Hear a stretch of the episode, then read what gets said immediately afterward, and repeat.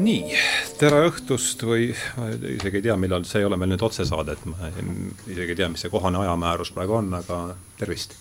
et Päev. eetris on äh, järjekordne Tähenduse teejuhtide saatesari, saade, tähenduse, äh, tähenduse teejuhtide sarja saade. ja ma teeks täna sedapidi, et ma loe, kuivõrd lähtekohaks on üks raamat, siis ma loen siit väikse tsitaadi ja siis räägime, mõistatame kõik koos tund aega, mis raamatuga on tegemist siis tutvustame saatekülalisi, siis on saade läbi. olgu, nõus. niisugune plaan. jõud, mis minus mõtleb ja toimib, on oma olemuselt niisama igi, igavene kui see jõud, mis hoiab koos päikese, päikesi ja tähti. tema tööriist võib kuluda, tema mõjusfäär muutuda, nii nagu, nii nagu kuluvad maad ning muudavad kohta tähed. seaduse taga, tänu millele ta olemas on ja kordub teisteski nähtustes, ei muutu kunagi. Nende jõudude olemus on igavene nagu Jumala mõistus ja mu olemasolu. mitte mu füüsilise nähtamuse alustoed, nüüd läks, nüüd läks sassi see rütm. Nende jõudude olemus on igavene nagu Jumala mõistus ja mu olemasolu, mitte mu füüsilise nähtamuse alustoed on niisama kindlad kui ilmaruumis hambad.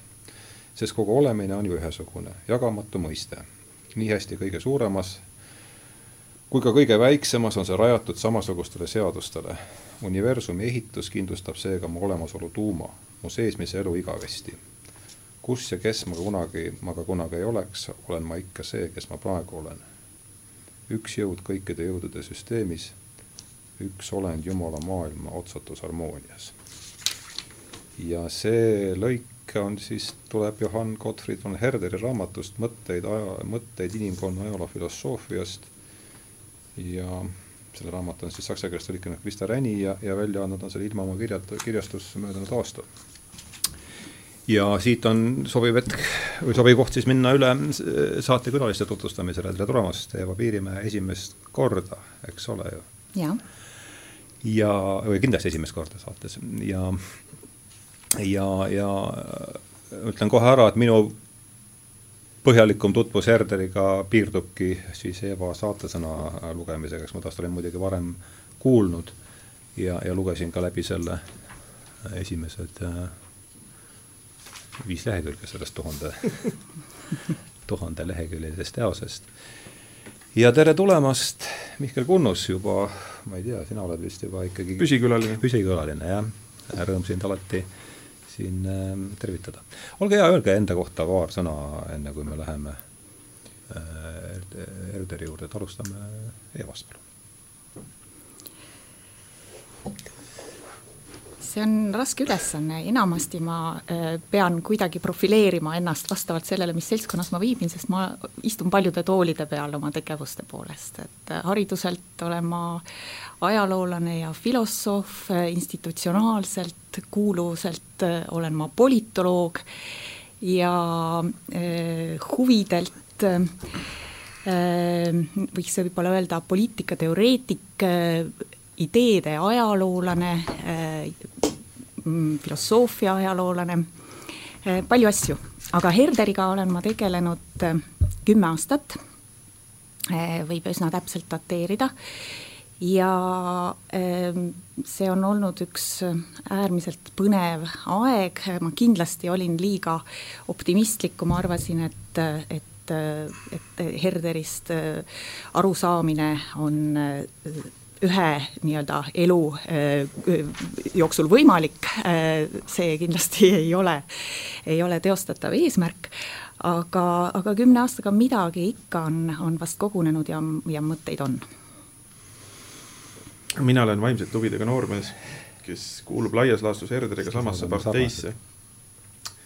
selles mõttes, et Herder ütleb siin raamatus lehekülg sada kaheksateist. niisiis jätame kõrvale igasuguse metafüüsika ja jääme füsioloogia ja kogemuse juurde hmm.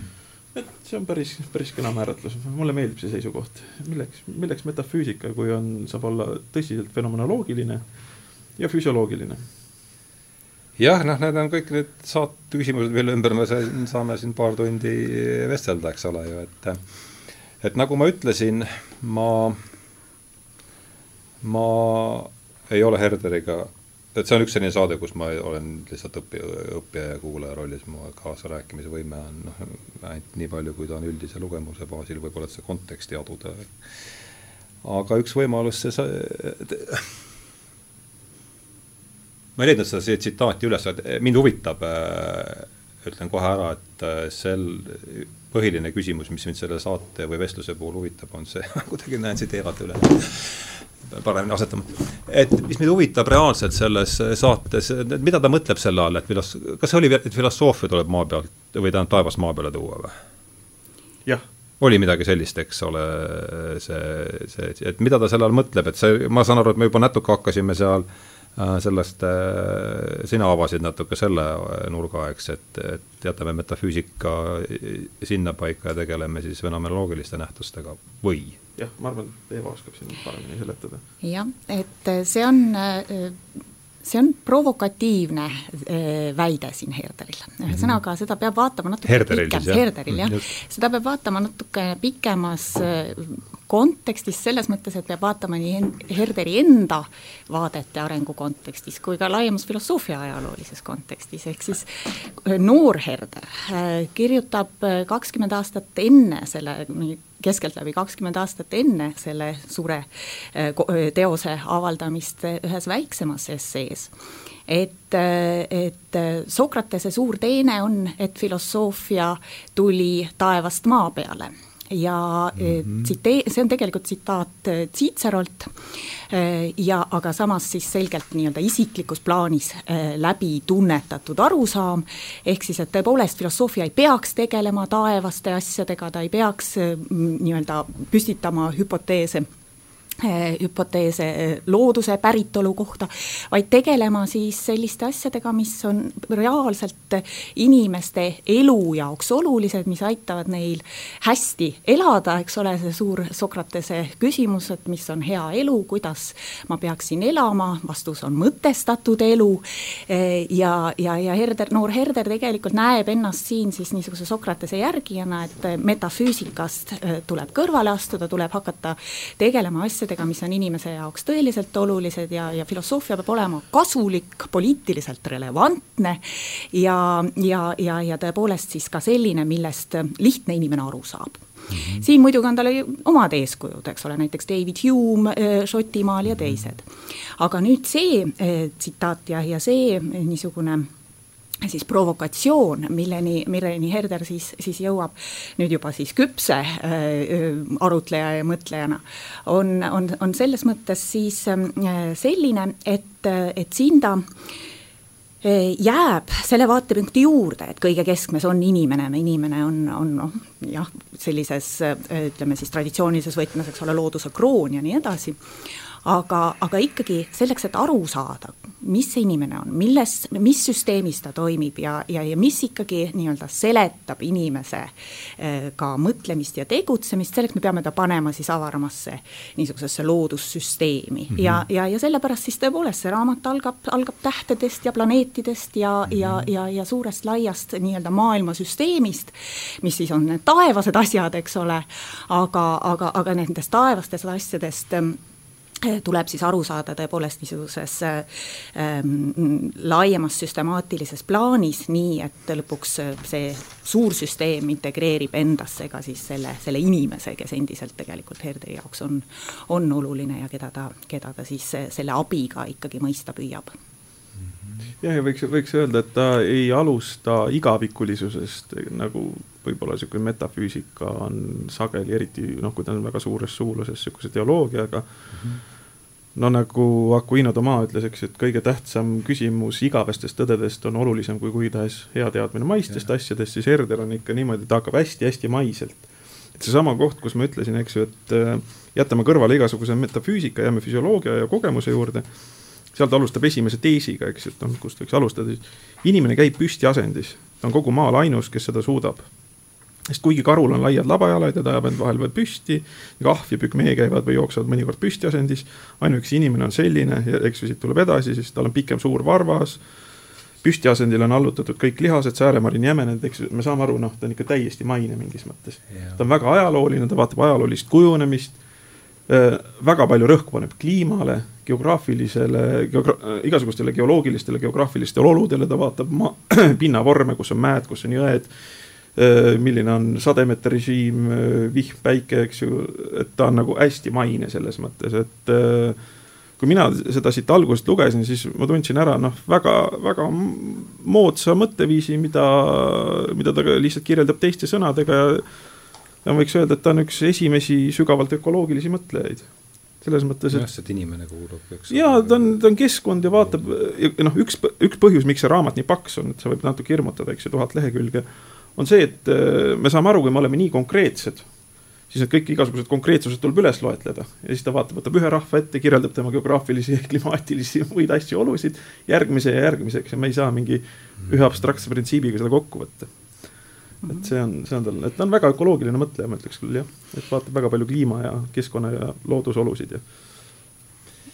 jah, no nagu ma ütlesin, et äh, kui ma see Eeva saatesõna lugesin, et siis minu jaoks see ka loetud asetub mingisse konteksti ja võib-olla üks põhiteema mis siin on olnud, kui ma nüüd tagasi vaatan, noh, siin on mitmeid, mitmeid kõrvalteemasid, mis on nüüd siin pealt üheksakümne saate juba olnud, aga ma arvan, et üks, üks niisugune keskseid teemasid mulle enda meelest tundub, et on ikkagi see Descartesi, Descartesi mm, teema seal kogu selles saates ja sellega seoses jäi mul siin äh, lehekülg üheksasada viiskümmend kaheksa, mis Eeva kirjutab, et äh, kuigi Herderi vaated arenesid aastate jooksul mitmes üksikus aspektis jäi nende antidualistlik põhialus siiski samaks.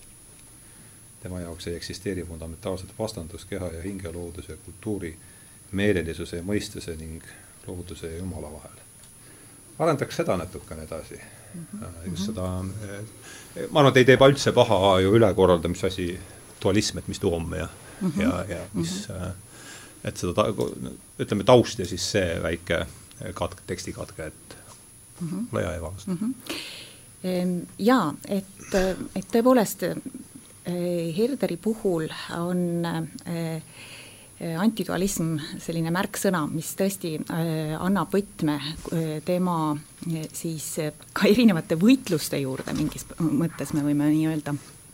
Ehk siis noorena alustab ta, alustab ta tõesti siis, siis esialgu niisugustest tunnetust puudutavatest dualismidest. Äh, see on siis äh, tundmuste äh, ja tunnete vastandamine mõistusele mis, mille ta koheselt tõesti oma kõige varasematest tekstidest peale lükkab täiesti otsustavalt kõrvale, vastandub sellele ja, ja kaitseb siis tõesti niisugust holistlikku tunnetuse kontseptsiooni. Ja, ja rõhutab äh, just temale eriomaselt, äh, rõhutab meelte olulisust äh, siis igasuguses tunnetuses, võimatu on ette kujutada tunnetust ilma meelteta ehk siis meeltest saab igasugune tunnetus alguse ja, ja, ja samaaegselt siis, siis ta rõhutab, et, et on olemas ka meie nii-öelda sisemine meel, milleks siis on eksistentsitunne, olemise tunne see on, see on filosoofia ajaloos lihtsalt väikese kõrvalepõikena, võib-olla me tuleme selle juurde hiljem, äärmiselt oluline eh, siis niisugune filosoofiline väide, ehk siis olemise rõhutamine, olemise tunne kui niisugune pime, tume tunne, mis vajab meeli, et siis ergastuda ja konkretiseeruda, eh, on, on, on selles mõttes põnev, eks ole, et me teame hästi, kuidas kahekümnendal sajandil Herder tuleb olemise, või see Heidegger tuleb olemise mõiste juurde, tundmata seda varast Herderi fragmenti aga, aga, aga tegelikult selles on siis olemas juba niisugune ettevaatav või noh, meile taganttvaates äh, tunduva, tundub see ettevaatavana siis niisugune seisukoht, mis täp-, tähtsustab olemist, mitte mõtlemist, eks ole, nii nagu Descartes mm, -hmm. kui me tuleme siia nüüd tagasi selle algse küsimuse juurde, vaid olemine, mis on tundes, mis konkretiseerub siis tänu meeltetajule eh, ja, ja võtab siis juba, juba, juba täpsemalt eh, eriomased kujud vastavalt sellele, missugusel eh, viisil siis me neid kogemusi maailmast saame, mida, mida me siis, eks ole, sisemiselt tunnetame ja, ja, ja muidugi siis ka kohe väljendame. nii et esimene antidualistlik moment, see on siis tunnetust puudutav, see, kuidas me maailma kogeme, siin tundeid, mõistust ei, ei, ei vastanda Herder. Ja, ja, ja, ja siit edasi siis tõesti hakkab ta tegelema metafüüsikaga süvenenult, algusest peale tõepoolest see hoiak on see, et traditsiooniline metafüüsika ei sobi. Ja, ja, ja ta lükkab selle, selle tagasi, teiselt poolt väga tõsine süvenemine Leibnizi, hiljem Spinozasse, sellistesse klassikalistesse metafüüsikutesse, ehk siis ta omal viisil teeb siis nii-öelda Eh, rahu nende mõtlejatega selles mõttes, et ta, et ta eh, võtab vastu elemente ja loob siis oma süsteemi, jõuab tegelikult oma nii-öelda idealismini mm. -hmm. ja, ja, ja see on siis eh, noh, jälle me võime ju öelda, et, et, et idealism versus materialism, et, et siin ongi ju teatav dualism, eks ole, aga, aga, aga Herderi puhul siis tõesti väga oluline on see, et see, see idealism on, on selline, et vaim siis tingimata vajab keha ehk siis vaim ei saa olla ilma kehata, vaim loob endale keha, ta sõna otseses mõttes ütleb seda, et seda vaim loob endale vaim keha endale ja, ja, ja, ja loob selle keha just nimelt selleks, et olla see vaim, kes ta on, ehk siis tunnetada. et kui me ainult meelte läbi tunnetame,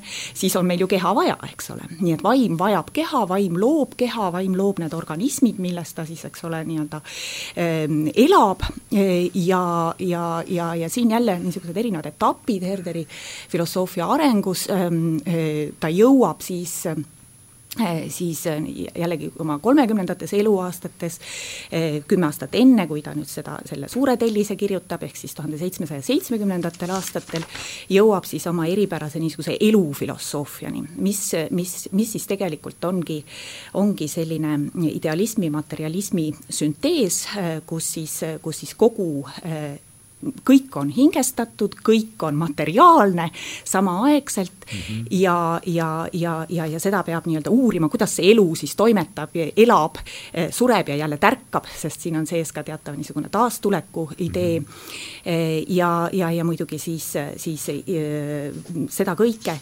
samaaegselt ühe või noh, võib öelda, et ühelt poolt Herder siis suhestub klassikalise metafüüsikaga, Leibniz väga oluline, Spinoza nagu juba mainitud, teisalt teiselt poolt äärmiselt huvitatud sellest, mis toimub tema kaasaegses loodusteaduses.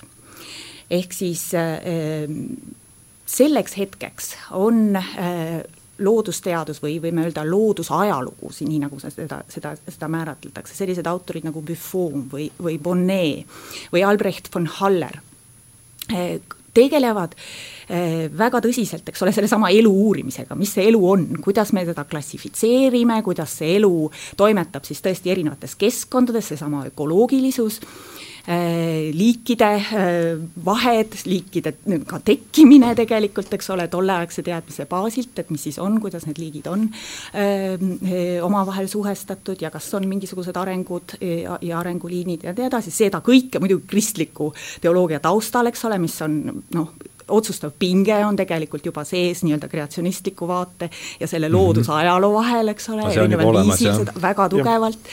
ja, ja, ja Herder siis tegelikult noh, tõesti sellise suure universaalina väga hästi jälgib mängu, ühesõnaga ta on, ta on kõiki omaaegseid teadlasi lugenud, kõiki neid tunneb, kõiki neid tegelikult kuidagiviisi jälle oma süsteemi mahutab, osasid arendab natuke liiga julgelt võib-olla, teisi võtab üpriski täht-tähelt ja, ja, ja, ja loob siis jah, ütleme, võib öelda, et siis tõesti tuhande seitsmesaja kaheksakümnendateks aastateks, kui ta nüüd nende mõtete äh, kirjapanekuni jõuab, mõtted siis inimkonna ajaloo filosoofiast, äh, siis, äh, siis selleks hetkeks jah, tal on see nagu süsteemiks vormunud. varasemalt siis, siis, siis pigem üksikutes erinevates esseedes eri nurkade alt käsitlenud seda temaatikat, nüüd siis suur süntees, mida ta küll, eks ole, teatavasti ei lõpeta, viimased köited jäävad, jäävad kirjutamata, aga, aga, aga alused on nii-öelda pandud, me näeme, eks ole, kuidas tema jaoks loodusajalugu omavahel seostuvad ja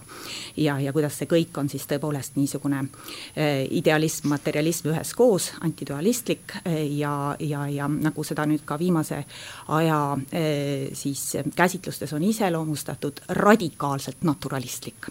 ehk siis Herder kui radikaalne naturalist, mis muidugi on äärmiselt äh, suur äh, provokatsioon või probleem, eks ole, temaaegses äh, ikkagi kultuuri kontekstis. ehk siis paljud tema kaasaegsed loodusteadlased, näiteks Albrecht von Haller, kellele ta siin toetub, rääkides siis, siis erinevatest ähm, siis närviimpulsside rea-, reaktsioonidest mhm. võrreldes taimi ja loomi ja nii edasi, põrkus tagasi kõige nii-öelda radikaalsemate naturalistlike järelduste ees, näiteks toetades preformatsiooniteooriat, seda, et liigitel on oma niisugune vorm, millest nad siis, eks ole, välja kujunevad, on eelvorm ja selle vormi on muidugi pannud Jumal, eks ole mm. -hmm. Herder ei põrganud sel-, tagasi selle nii-öelda vastandi ees, mida reeglina seoti materialistliku teooriaga, mille järgi epigeneetiliselt organism võib lihtsalt suvalisest mateeriast nii-öelda vormuda, eks ole, et tulla,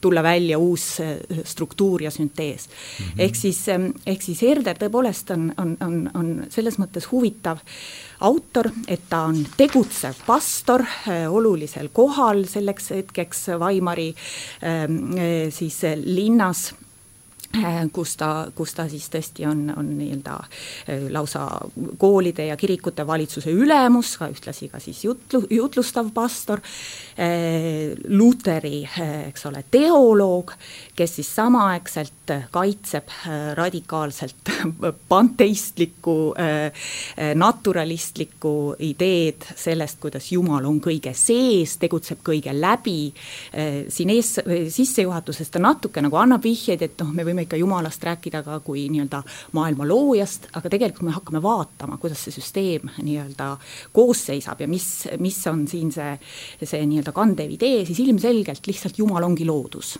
ja mm, -hmm. ja, ja jällegi veel üks, eks ole, antidualism, ei ole Jumal versus loodus, vaid Jumal, loodus, kõik on üks sama suur süsteem. Jumal ongi süsteem. loodus, jah. kas ja. tema, tema on siis pant-, panteist mitte vastandada panenteismile, mis ütleb, et Jumal on nii looduses kui ka väljaspool seda, et võib kas... küll nii öelda, jah, selgelt panteist, Jumal kuskil väljaspool Jumal ise vajab loodust, et ennast tunnetada, ta loob selle nii-öelda enda sees, aga kõik see, mis on, on ka ühtlasi Jumal tegelikult.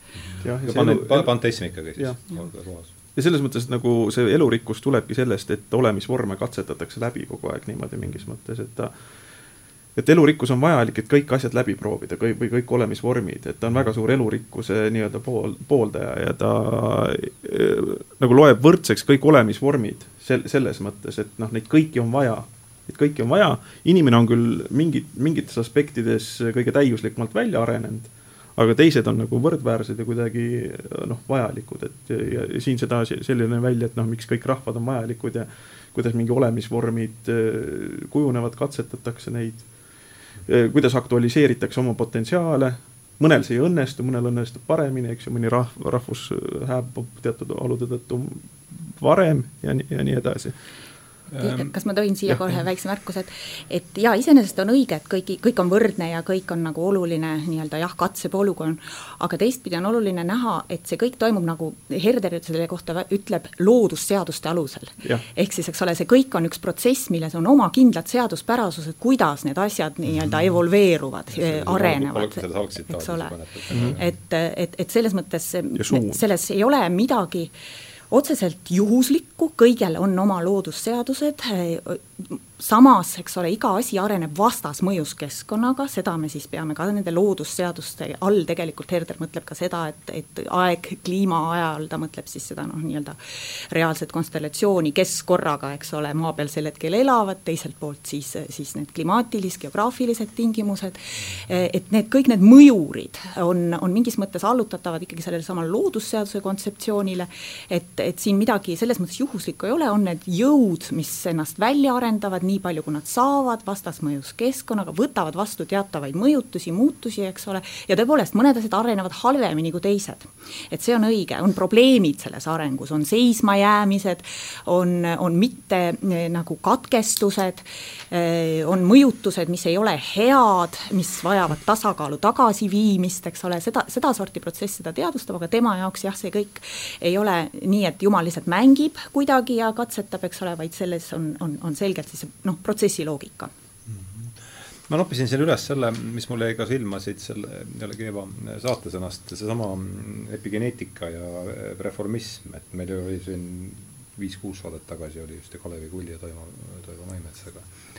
aga seal tundus, et, et selles kontekstis, kus nüüd Eeva rääkis, et see epigeneetika ja ja, ja preformism, et see preformism oli justkui selline äh, tead, ma jätan praegu siin pooleli, et arenda palun ise seda äh, epigeneetika ja reformismi. Äh, no reformism on see, et eks ju, eks ju, et no vorm, vormid on ette antud valmis ja lihtsalt rulluvad lahti, aga epigenees tähendab äh, kujunemist seaduspärasuste alusel. jah, ja siis oli nagu Eva ütles, et selle vormi oli paika pannud Jumal, nüüd DNA puhul, mis on ju ka ütleme, see DNA leian kohe koha kuidas ma siis ütleksin DNA mõtteraamistik, seal on ju seesama vorm on nojah, eks ju, et meil, meil on DNA on laksus, laksust olemas. ega bioloogid ei ütlegi, et üks või teine tänapäevasest seisukohast, eks ole, on peale jäänud Epi,. epigenees on, on jah, tuleb saab öelda, et see on see geneetiline determinism sisuliselt, eks. eks ju, on, reformism on geneetiline determinism, aga praegu seda just, et praegu seda jällegi, eks ole, ei pooldata, et, et selgelt keskkonnamõjud on olulised, millised geenid aktiveeruvad, nii ja nii edasi. Et eh, jaa, noh, Herderi puhul on jah, selles mõttes võib-olla tasub seda teemat eh, natuke põhjalikumalt avada ka selles plaanis, et eh, sa räägid nüüd sellest samast reformismi, jah, ole hea, sa jaa, et äh, e, siin on äh, tegelikult äh, sees jälle niisugune väga põnev vastandumine teise samaaegse suurkujuga, ehk siis Immanuel Kantiga, mm, kes oli eh, kindlasti Gerderi Kanti suhtes tasub mitut pidi rääkida, aga, aga praegu siin korraks siis, siis hoopis niisuguses eh, loodusfilosoofilises plaanis võiks selle kõneks võtta ehk siis kõigepealt muidugi õiendaks ära ühe niisuguse olulise faktilise asja eh, või, või märgiks ära, et, et Herder, eks ole, on Kanti õpilane, ta on õppinud, eh, õppinud Kanti käe all Königsbergis aastatel tuhat seitsesada kuuskümmend kaks kuni tuhat seitsesada kuuskümmend neli. Ja, ja mitte sugugi lihtsalt õpilane, vaid vaimustunud õpilane, ehk siis, ehk siis pannud kirja kõik Kanti loo-, või noh, nii palju, kui, kui ta neid kuulas, Kanti loengud, mis on muide oluline ajalooallikas ka Kanti vaadete uurimisel, varase kanti lisaks on ta värsistanud olulisi kanti mõtteid mm. ja nii edasi, mille peale Kant reageeris Herderi jaoks natukene, ütleme siis noh, võib-olla isegi ehmatavalt öeldes, et noh, et võib-olla see ongi Herderi kutsumus, et hakata selliseks äh, poeetfilosoofiks, äh, milles tegelikult võis tunda teatavat niisugust väikest noh, kas nüüd jah, torget, aga kindlasti, kindlasti ei olnud see see, mida Herder tegelikult kuulda tahtis selle peale ehk siis Herderi ambitsioon oli kindlasti suurem, ehkki ta kindlasti samas poeesiat muidugi ei alavääristanud. Ja, ja, ja sel perioodil, sest tõesti Kant, see on Kanti eelkriitiline periood, eks ole, ta jõuab oma, oma kriitikateni alles tuhande seitsmesaja kaheksakümnendatel aastatel absoluutselt nii-öelda kaasaegsena sellele tellisele jälle, mis meil täna siin, siin jutu keskmes on ja, ja, ja, ja, Kanti eelkriitiline periood, kus ta siis, kus ta siis arutleb äh, äh, ikkagi metafüüsilises võtmes loodusjõudude üle ja, ja loodusprotsesside üle ja, ja, ja mille puhul siis, siis Kant noh, väga selgelt on preformatsiooni pooldaja, ehk siis tema jaoks ei ole äh,, äh, ei ole muid loodusseadusi, kui on Newtoni äh, mehaanikaseadused ja, ja loodusprotsesside mõistmisel noh, sel eelkriitilisel perioodil ta räägib pigem siis tõesti sellest lihtsalt, et see ongi see tõend, et meil on Jumal, Jumalat vaja, ehk siis kes on need organismid rajanud, ilmselgelt on tarvis kedagi, kes on seda teinud ühelt poolt siis noh, ütleme meelevaldselt, nii et me ei näe neid loodusseadusi, mis neid organisme siis oleks kuidagiviisi esile toonud ja teiselt poolt see kõik on nii võrratus harmoonias, nagu Kant ütleb, eks ole. ja selle peale tegelikult juba Herder reageerib ja, ja ütleb, et, et ei, et noh, et me peame ikkagi mõistma ka seda, kuidas need organismid on esile toodud, et, et see on oluline ja, ja, ja, ja siit hakkab siis tõesti tulema see Herderi niisugune püsiv huvi loodus, kaasaegse loodusteaduse vastu. Ja, ja muidugi Kantil on see huvi ka tugev, et ega, ega ei saa öelda, et ühel või teisel oleks, oleks huvi vähem, aga, aga ja, ja see on praegu tegelikult päris suur niisugune arutelu teema, sellest on ka palju kirjutatud, et kuidas ikkagi see kanti äh, nii-öelda suhe on nende kahe preformatsiooni ja, ja, ja epigeneesi äh, teooria teooriatega, et oma hilisemates tekstides otsustusvõime kriitika näiteks tuhande seitsmesaja üheksakümnendast aastast, ta justkui nagu mingit laadi sünteesi pooldaks ja nii edasi, aga, aga üldiselt näib siiski, et Kanti vaade on selline, et tema jaoks on väga oluline hoida Jumal eh, maailmast eraldi. Eh, kriitilisel perioodil me põhimõtteliselt ei saagi Jumalat ära. deism on eh, Kanti noh, üldiselt muidugi lõppkokkuvõttes tohib sinna, sinna ta panna või ei ole, eksin ma siin? Läheb keeruliseks selles mõttes, et jälle peame rääkima eelkriitilisest, kriitilisest kantist, aga kui me aga räägime ma tahtsin küll nüüd täpsustada, kas see eh, kriitiline periood on see, kus eh, toimub see Koperniku, kus ta kirjutab Koperniku pööre Kopernikuse pööre tuhat seitsesada kaheksakümmend üks, Mhm, see on kolm aastat enne selle eh, mõtetest inimkonna filosoofiast teose ilmumist, ja, ja, ja sellele, eks ole, siis järgnevad, järgnevad puhta mõistuse või puhta, tähendab, praktilise mõistuse kriit-, puhta mõistuse kriitikale järgnevad siis praktilise mõistuse kriitika ja otsustusvõime kriitika. ja, ja see otsustusvõime kriitika, see on see koht, kus Kant räägib bioloogiast ja kunstist korraga ja kumbki neist äh, siis ei mahu, eks ole, sellesse kanti nüüd uude süsteemi, mille järgi meil on no, äh, niisugused äh, tõsikindlad arukategooriad ja, ja mõistuse seadused, mille järgi me siis kas tunnetame või, või siis vastavalt meil on mõistuse printsiip, millest alusel me moraali mõtestame, et need on siis sellised reflektiivse otsustusvõime valdkonnad, kus me nii-öelda ar-, ju-, räägime asjadest justkui neil oleks eesmärgid. näiteks siis kogu loodus on justkui eh, eesmärkide süsteem, ehkki tegelikkuses neid eesmärke ei ole, sellepärast bioloogia ei ole kunagi Kanti jaoks tõsine teadus. Et bioloogia on ikkagi alles noh, teel teaduseks Äh, mingit laadi niisugune organiseeritud teadmise valdkond mm, -hmm. heuristiline äh, niisugune äh, lähenemine, me otsime, leiame, aga, aga, aga see ei ole kindlasti teadus, sest teadus ikkagi rajaneb sellistel nii-öelda, opereerib loodusseadustega, mis omakorda on meie, meie mõistuses siis ähm, ankurdatud. ja, ja, ja, need on meha-, me, matemaatilised mehaanika ja, ja, ja, ja selles mõttes selgelt kas ma saan nüüd õigesti aru, et ma täpsustan, et ma ole, see on oluline koht tunda mulle mm, -hmm. et Kanti põhjendus sellele, et ta, et bioloogia ei ole päris teadus, on see, et ta ei ole piisavalt matemaatiline, piisavalt Newtonlik või me ei saa organisme kanti järgi seletada ära ainult mehaanika printsiipidega mm. -hmm. ehk siis, eks ole, organismid kasvavad, arenevad, elavad, paljunevad. Eh, mehaanika ei aita meil neid ära seletada, aga samas meil ei ole teisi äh, seadusi, mhm. mis vääriks seaduste nime, eks ole mm. -hmm. meil on, aga me, me püstitame siis nii-öelda meie otsustusvõime, meie niisugune noh mm,, äh, siis äh, inimlik niisugune leidlikkus omistab asjadele eesmärgid ja omistab ka siis nendele loodusasjadele niisugused sisemised eesmärgid, et iga olend peab välja arendama oma algsed eeldused. ja siin on ka, eks ole, kõlab juba see preformatsioon, et meil on need algsed eeldused, mida me siis tegelikult, eks ole, arendame välja ja kõik see on omavahel suures süsteemis, et ühe, väiksemad organismid teenivad suuremaid ja nii edasi, aga kõik see on nii-öelda meie otsustusvõime niisugune muster, mille me paneme looduse peale, aga me ei saa öelda, et see on, need on tõsikindlad loodusseadused ja, ja seetõttu bioloogia ka, noh, ta ikkagi kobab pimeduses kanti arvates. Ja, ja, ja on, on, on selles mõttes lihtsalt nii, nagu meie asju näeme, aga see ei ole siis Newtoni mehaanika, mis ikkagi on, on, on, on otseselt meie mõistuse seaduses. Eh, jah, seda võttis Kant ju ette antuna, eks, et Newtoni mehaanika on see vaim, millega, millega ta oma ütleme siis niimoodi, et Kanti tõsikindlusnõuded on nii kõrged, et mingi bioloogia sinna ei mahu. Mm -hmm. ma, ma panin sellise lause, mulle tundub, et see on oluline koht, et, et kas sa sellise sõnastusega jätta rahule, et et Kanti arvates ei saa me organisme seletada mehhanitsistlikult, mehaaniliselt jah, võib küll öelda, et mehaanikast ei piisa. aga teist teadust kui mehhanitsistlik meil ei ole, sest see on mis vääriks teaduse nime. mis vääriks teaduse nime, jah, sest teist teadust kui Newtoni oma meil ei ole. ja ma panen seda, et mis vääriks teaduse nime.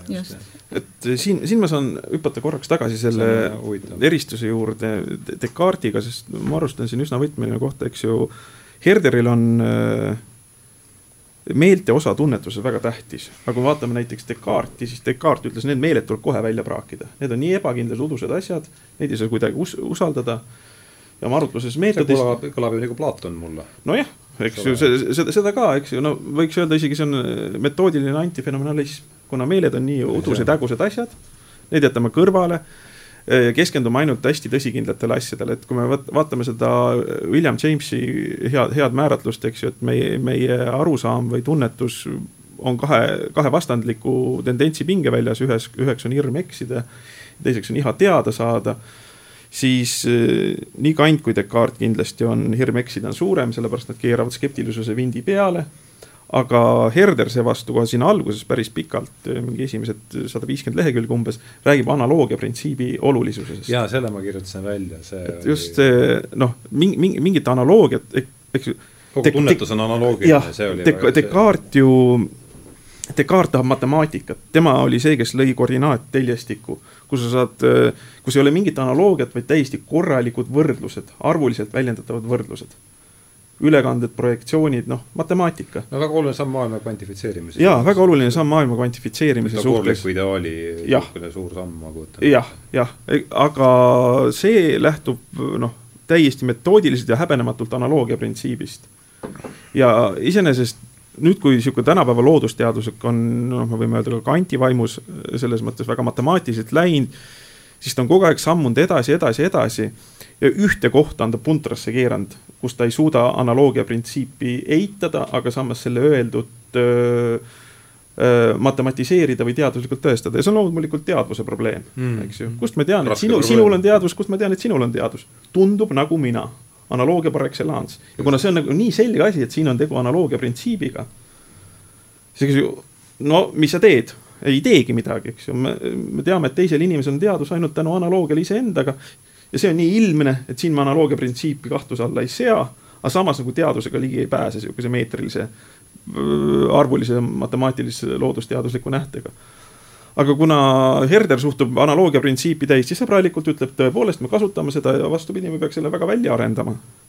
ja sellepärast näiteks noh, sihuke range teadusliku äh, skeptilisusega seda raamatut võib olla päris õudne lugeda, sest ta, ta ei põrka näiteks tagasi selliste arutelude eest, kus ta mõtleb niimoodi, milline tundub hundinälg võrreldes elevandinäljaga. aa, niimoodi arutab või? no umbes niimoodi jah, selliseid ja, arutelusid on ka.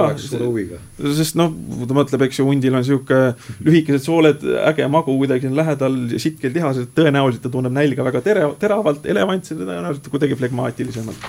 eks ju, me saame aru, et sellistel nii-öelda aruteludel ei saa mingit ranget teaduslikku põhjendust olla. kuigi tõenäoliselt on mingi hundinälja kvaliteet ja tõenäoliselt on ka mingi elevandinälja kvaliteet. et need on meetodid, noh, kas saab nüüd meetod öelda selle kohta nagu empaatia ja sisseelamine. aga nende sõnadeni ma jõudsin, siis ma saan kohe küsida, ohoo, Eeva, mis raamat sul kaasas on raamat on ilus.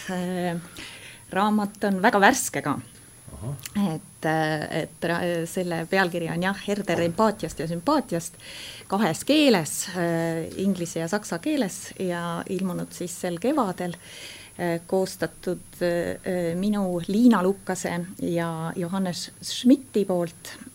Liina Lukas siis ilmselt tutvustamist ei vaja Eesti kontekstis, Eesti kirjandusteadlane ja balti-saksa kirjanduse äh, suur äh, asjatundja ja, ja, ja kriitik. Ja, ja, ja Johannes Schmidt on siis Ameerika Herderi uurija.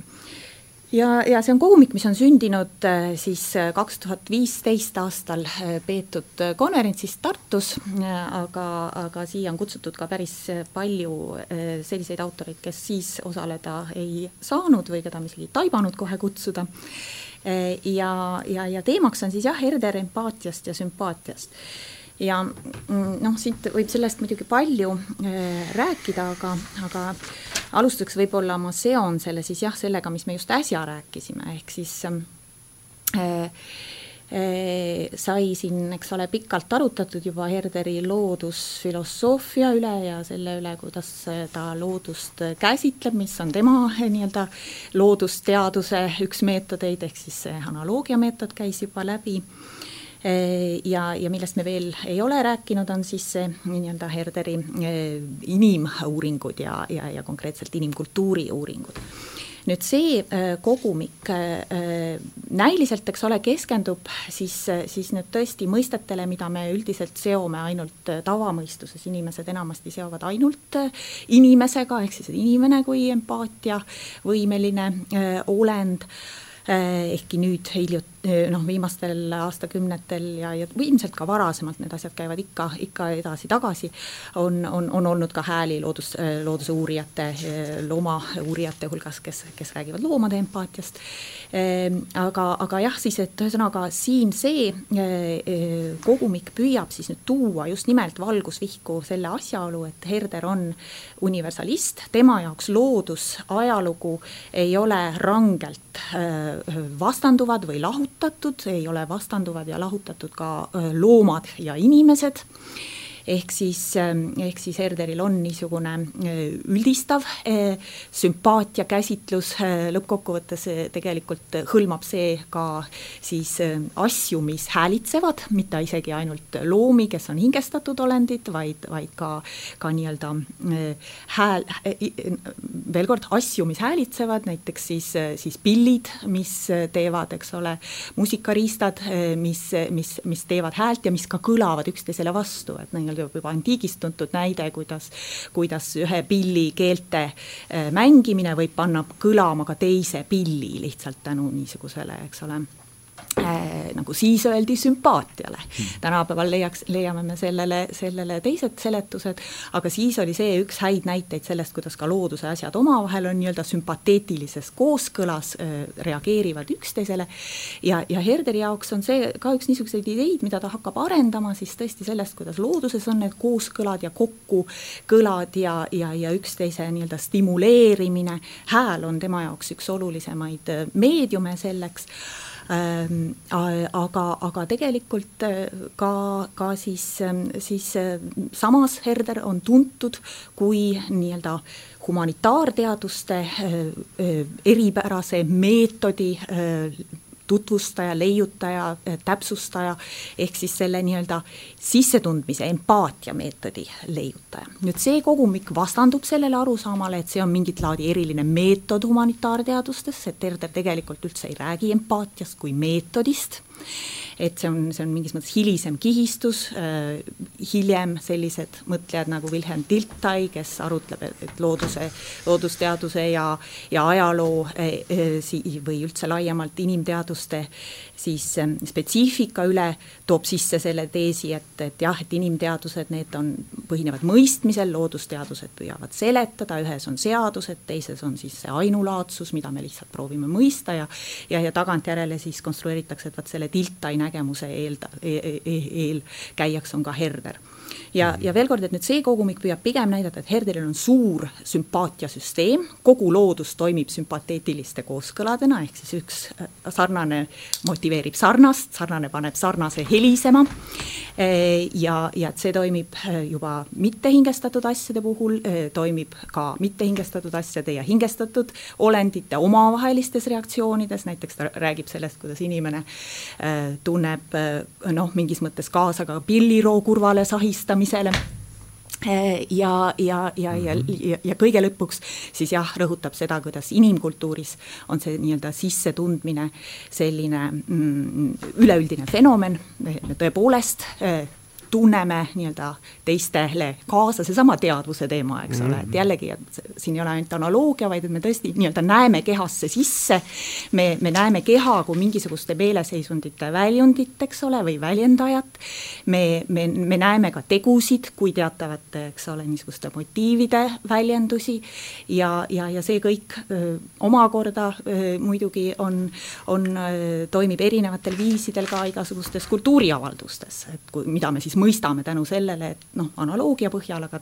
aga, aga täpsemalt siis, siis tõesti tänu niisugusele äh, pidevale kaasakõlamisele võib-olla no,. kaasatundmine on reaalne fakt, võiks öelda tema, et tõepoolest tunneme kaasa, sellel on oluline roll meie käitumises, meie regulatsioonis, meie tundeelus, meie selles kõiges.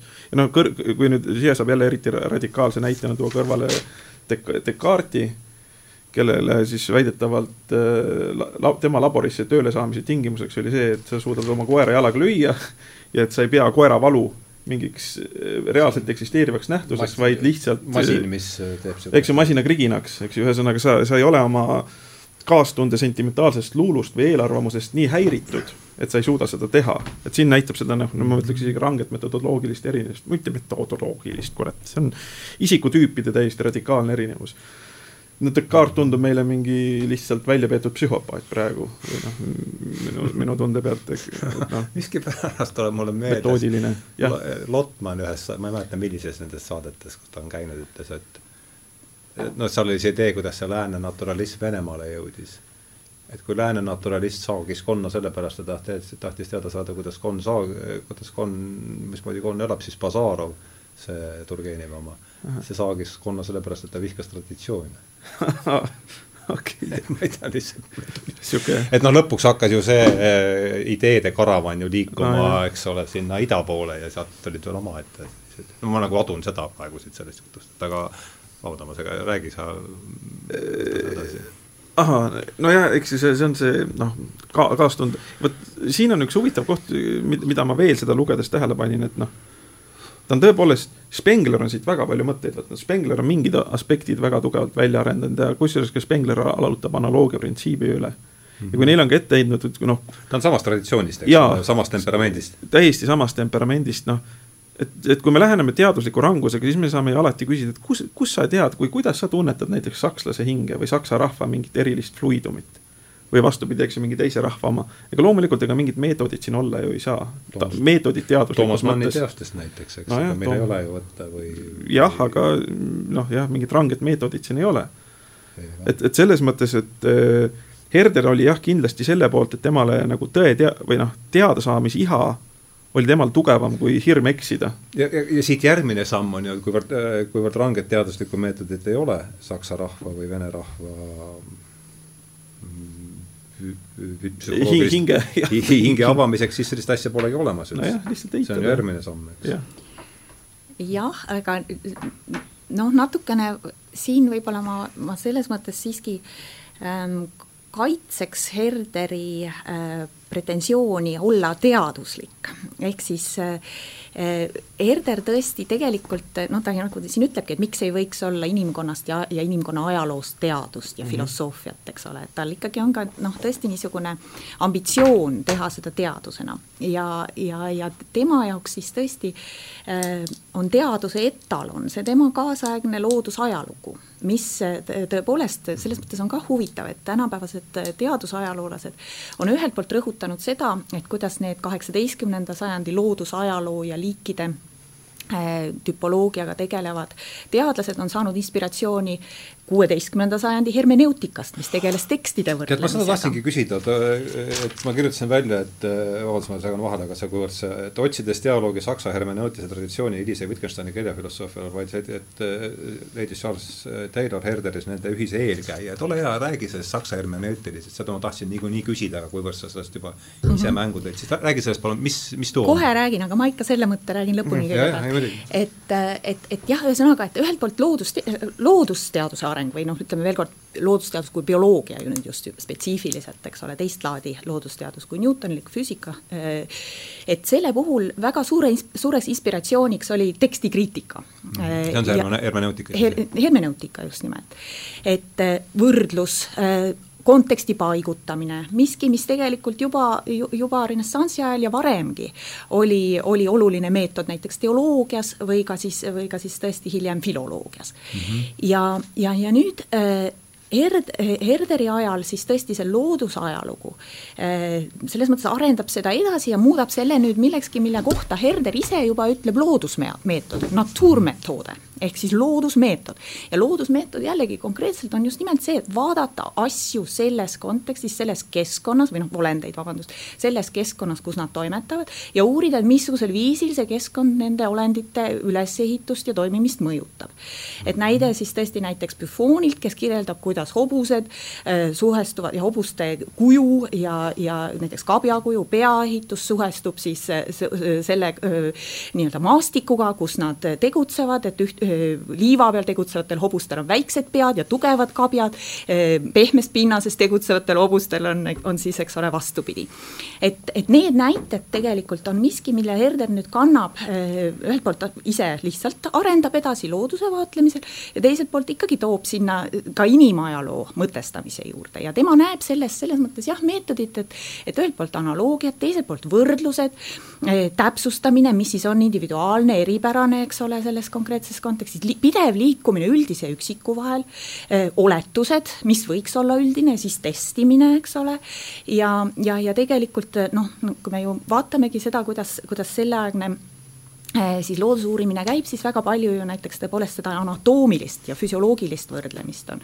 Goethe, kes on Herderi äh, hea sõber teatud perioodil tema elust, äh, tegeles ju inimese kolju uurimisega ja võrdlevalt kolju võrdlemisega loomade koljudega ja leidis ühe eri, eripärase nõksukese inimkoljus, mis näitas ikkagi seoseid loomariigiga ja nii edasi, ehk siis tegelikult, tegelikult niisugused väga noh, selgelt juba empiiriliselt tulemusi andnud äh, lähenemised loodusteaduste või lood, loodusajaloos, mille, mille puhul siis Herder arvab, et noh, et küllap see annab tulemusi ka inimajaloos. aga siit siis jah, edasi nüüd selle teema juurde, et, et noh, et see oletuslikkus, et, et ühelt poolt jah, et kuidas me mõistame mingisugust võõrast teksti või võõrast kultuuri või, või nii edasi, et noh, et, et me oletame kindlasti Herder jah, peab oletamist oluliseks, teistaegu ta äh, väga hästi on teadlik sellest, et see on mingis mõttes noh, niisugune lõputu protsess, et me kunagi ei jõua päriselt kohale. päriselt ei saa nii-öelda aru, ei mõista seda, seda võõrast kultuuriavaldust või nähtust. ühesõnaga, me peame tõsiselt seda uurima, ta ütleb näiteks äh, siis äh, oma ühes äh, varasemas ajaloofilosoofilises tekstis pealkirjaga Veel üks ajaloofilosoofia, ütleb ta seda, et noh, et me peame, et, et selleks, et mõista, me peame lõputult nii-öelda seda, seda, seda ajastut vaatama, me peame nii-öelda kõiges viibima, kõigega tutvuma, ehk siis põhimõtteliselt niisugune ikkagi, ikkagi sisse, raske sisse, töö. sisseelama asja. sisseelamine, et see sisseelamine ei ole nii, et ta tuleb intuitiivselt või et me kuidagi lihtsalt panemegi ennast või noh, subjektiivsel pinnal iseendast lähtuvalt asetame ennast kohe võõrasse. et see on see valeinterpretatsioon, mida hiljem hakati ajama alates üheksateistkümnenda sajandi teisest poolest, et see mõistmine on kuidagi hästi niisugune mm -hmm intuitiivne. just nimelt, et just. vaja on fakte, vaja on vaadata, kuidas keskkond ja, ja organism omavahel, eks ole, seostatuna toimivad, vaja on vaadata ka, millised lisamõjud tulevad, kuidas kultuurid kohtuvad, nii edasi, eks ole. et tõepoolest see üksikasjalikkus, just, just nimelt, hästi palju konkreetsust ja, ja siis, kui sa oled selle töö ära teinud, siis muidugi võrdleme teistega ka, et proovime üldistada, aga noh, me ikkagi teame, et ega me väga kaugele ei jõuagi selle protsessiga, eks ole. jah, sest nagu looduseski on väga palju unikaalsust. see puhast matemaatikat ei nõruta välja sealt. nojah, just, just, eks ju, see, see, see on see erinevus, sest no Ernst Meiril on väga tore artikkel, kus ta räägib ka bioloogia kohast teadusajaloos ja ta ütlebki, et ta jääb üsna täpselt eh, humanitaarteaduste ja reaalteaduste vahepeale, sest ühe, ühelt küljelt me saame täiesti biokeemia ja füüsikaga peale lennata organismile, aga teisalt on nagu kõik organismid on reaalselt ajaloolised, eks ju. reaalselt ajaloolised ja ajaloolisuse puhul tähendab ka seda, et seal on unikaalsus väljajuurimatu, et me ei saa teha universaalseadust Eesti Vabariigi taasiseseisvumisest, eks ju, sest see on üks, üks nähtus, üks kord, üks nii. ja noh, sama iga liik on ju mingis mõttes ainukordne, unikaalne. ja, ja see on nagu lihtsalt fakt, eks ju, ja noh, et aja, aja, et noh, ajaloolisust ei saa kuidagi bioloogiast lahutada. ja, ja noh, millestki sellisest, aga noh, füüsikas ei ole ajalugu või tähendab, Newtonlikus füüsikas ajalugu ei ole ju või ajaloolisust mm. -hmm, mm -hmm. ja, ja võib-olla, et siit tegelikult nüüd tulla Hardo küsimuse juurde, mis puudutas nüüd seda suhet hermeneutikaga, see on ja, muidugi tohutu äh, selline äh, põhjalik teema ja raske teema ja, ja, ja ega ma siin liiga palju äh, ei, ei, ei julgegi nii-öelda mõtteid pakkuda, aga, aga noh, ütleme mõned asjad, et, et kõigepealt seesama äh, Wilhelm Tiltai, äh, kes, kes, kes juba käis mul korra jutus eest läbi, kes siis on nii-öelda kuulus just selle poolest, et tema soovis anda siis vaimuteadustele eluaastat, no üheksateistkümnenda sajandi teine pool mm -hmm. on, on tema põhilised tekstid. ja, ja kes proovis anda siis, siis vaimuteadustele, nagu tema neid nimetas, ehk siis, ehk siis tõesti inimese vaimuga seotud teadustele, tänapäeval me ütleks kultuuriteadused või humanitaarteadused, eh, eh, nende eripärase nii-öelda nii-öelda tunnetusteoreetilise aluse ehk siis põhjenduse, miks need teadused on just sellised, nagu nad on. ta sai siin inspiratsiooni Kantist, eks ole, kes andis loodusteadustele nende niisuguse tõsikindla vundamendi. ja tema nüüd proovis anda siis nendele vaimuteadustele, aga tegi seda siis vastandada, vastandudes omaaegsele noh, niisugusele ikkagi diskussioonile selle üle, et mis on loodusteaduste, humanitaarteaduste vahe ja, ja tahtis kaitsta siis humanitaarteadusi selle eest, et need peaksid kuidagi mingisuguseid seaduspärasusi välja selgitama ja olema kuidagi noh, sarnased sellele, mis selleks hetkeks oli saanud ikkagi selleks loodusteaduse etaloniks ja endiselt see etalon ikkagi oli see, see mehhanitsistlik, Newtonlik mm -hmm. lähenemine. ja, ja, ja siit siis, eks ole, Tiltai ütleb, et jaa, ei, vaimuteadused tegelevad hoopis teiste asjadega, mõistmine on see, see meetod ja, ja nii edasi.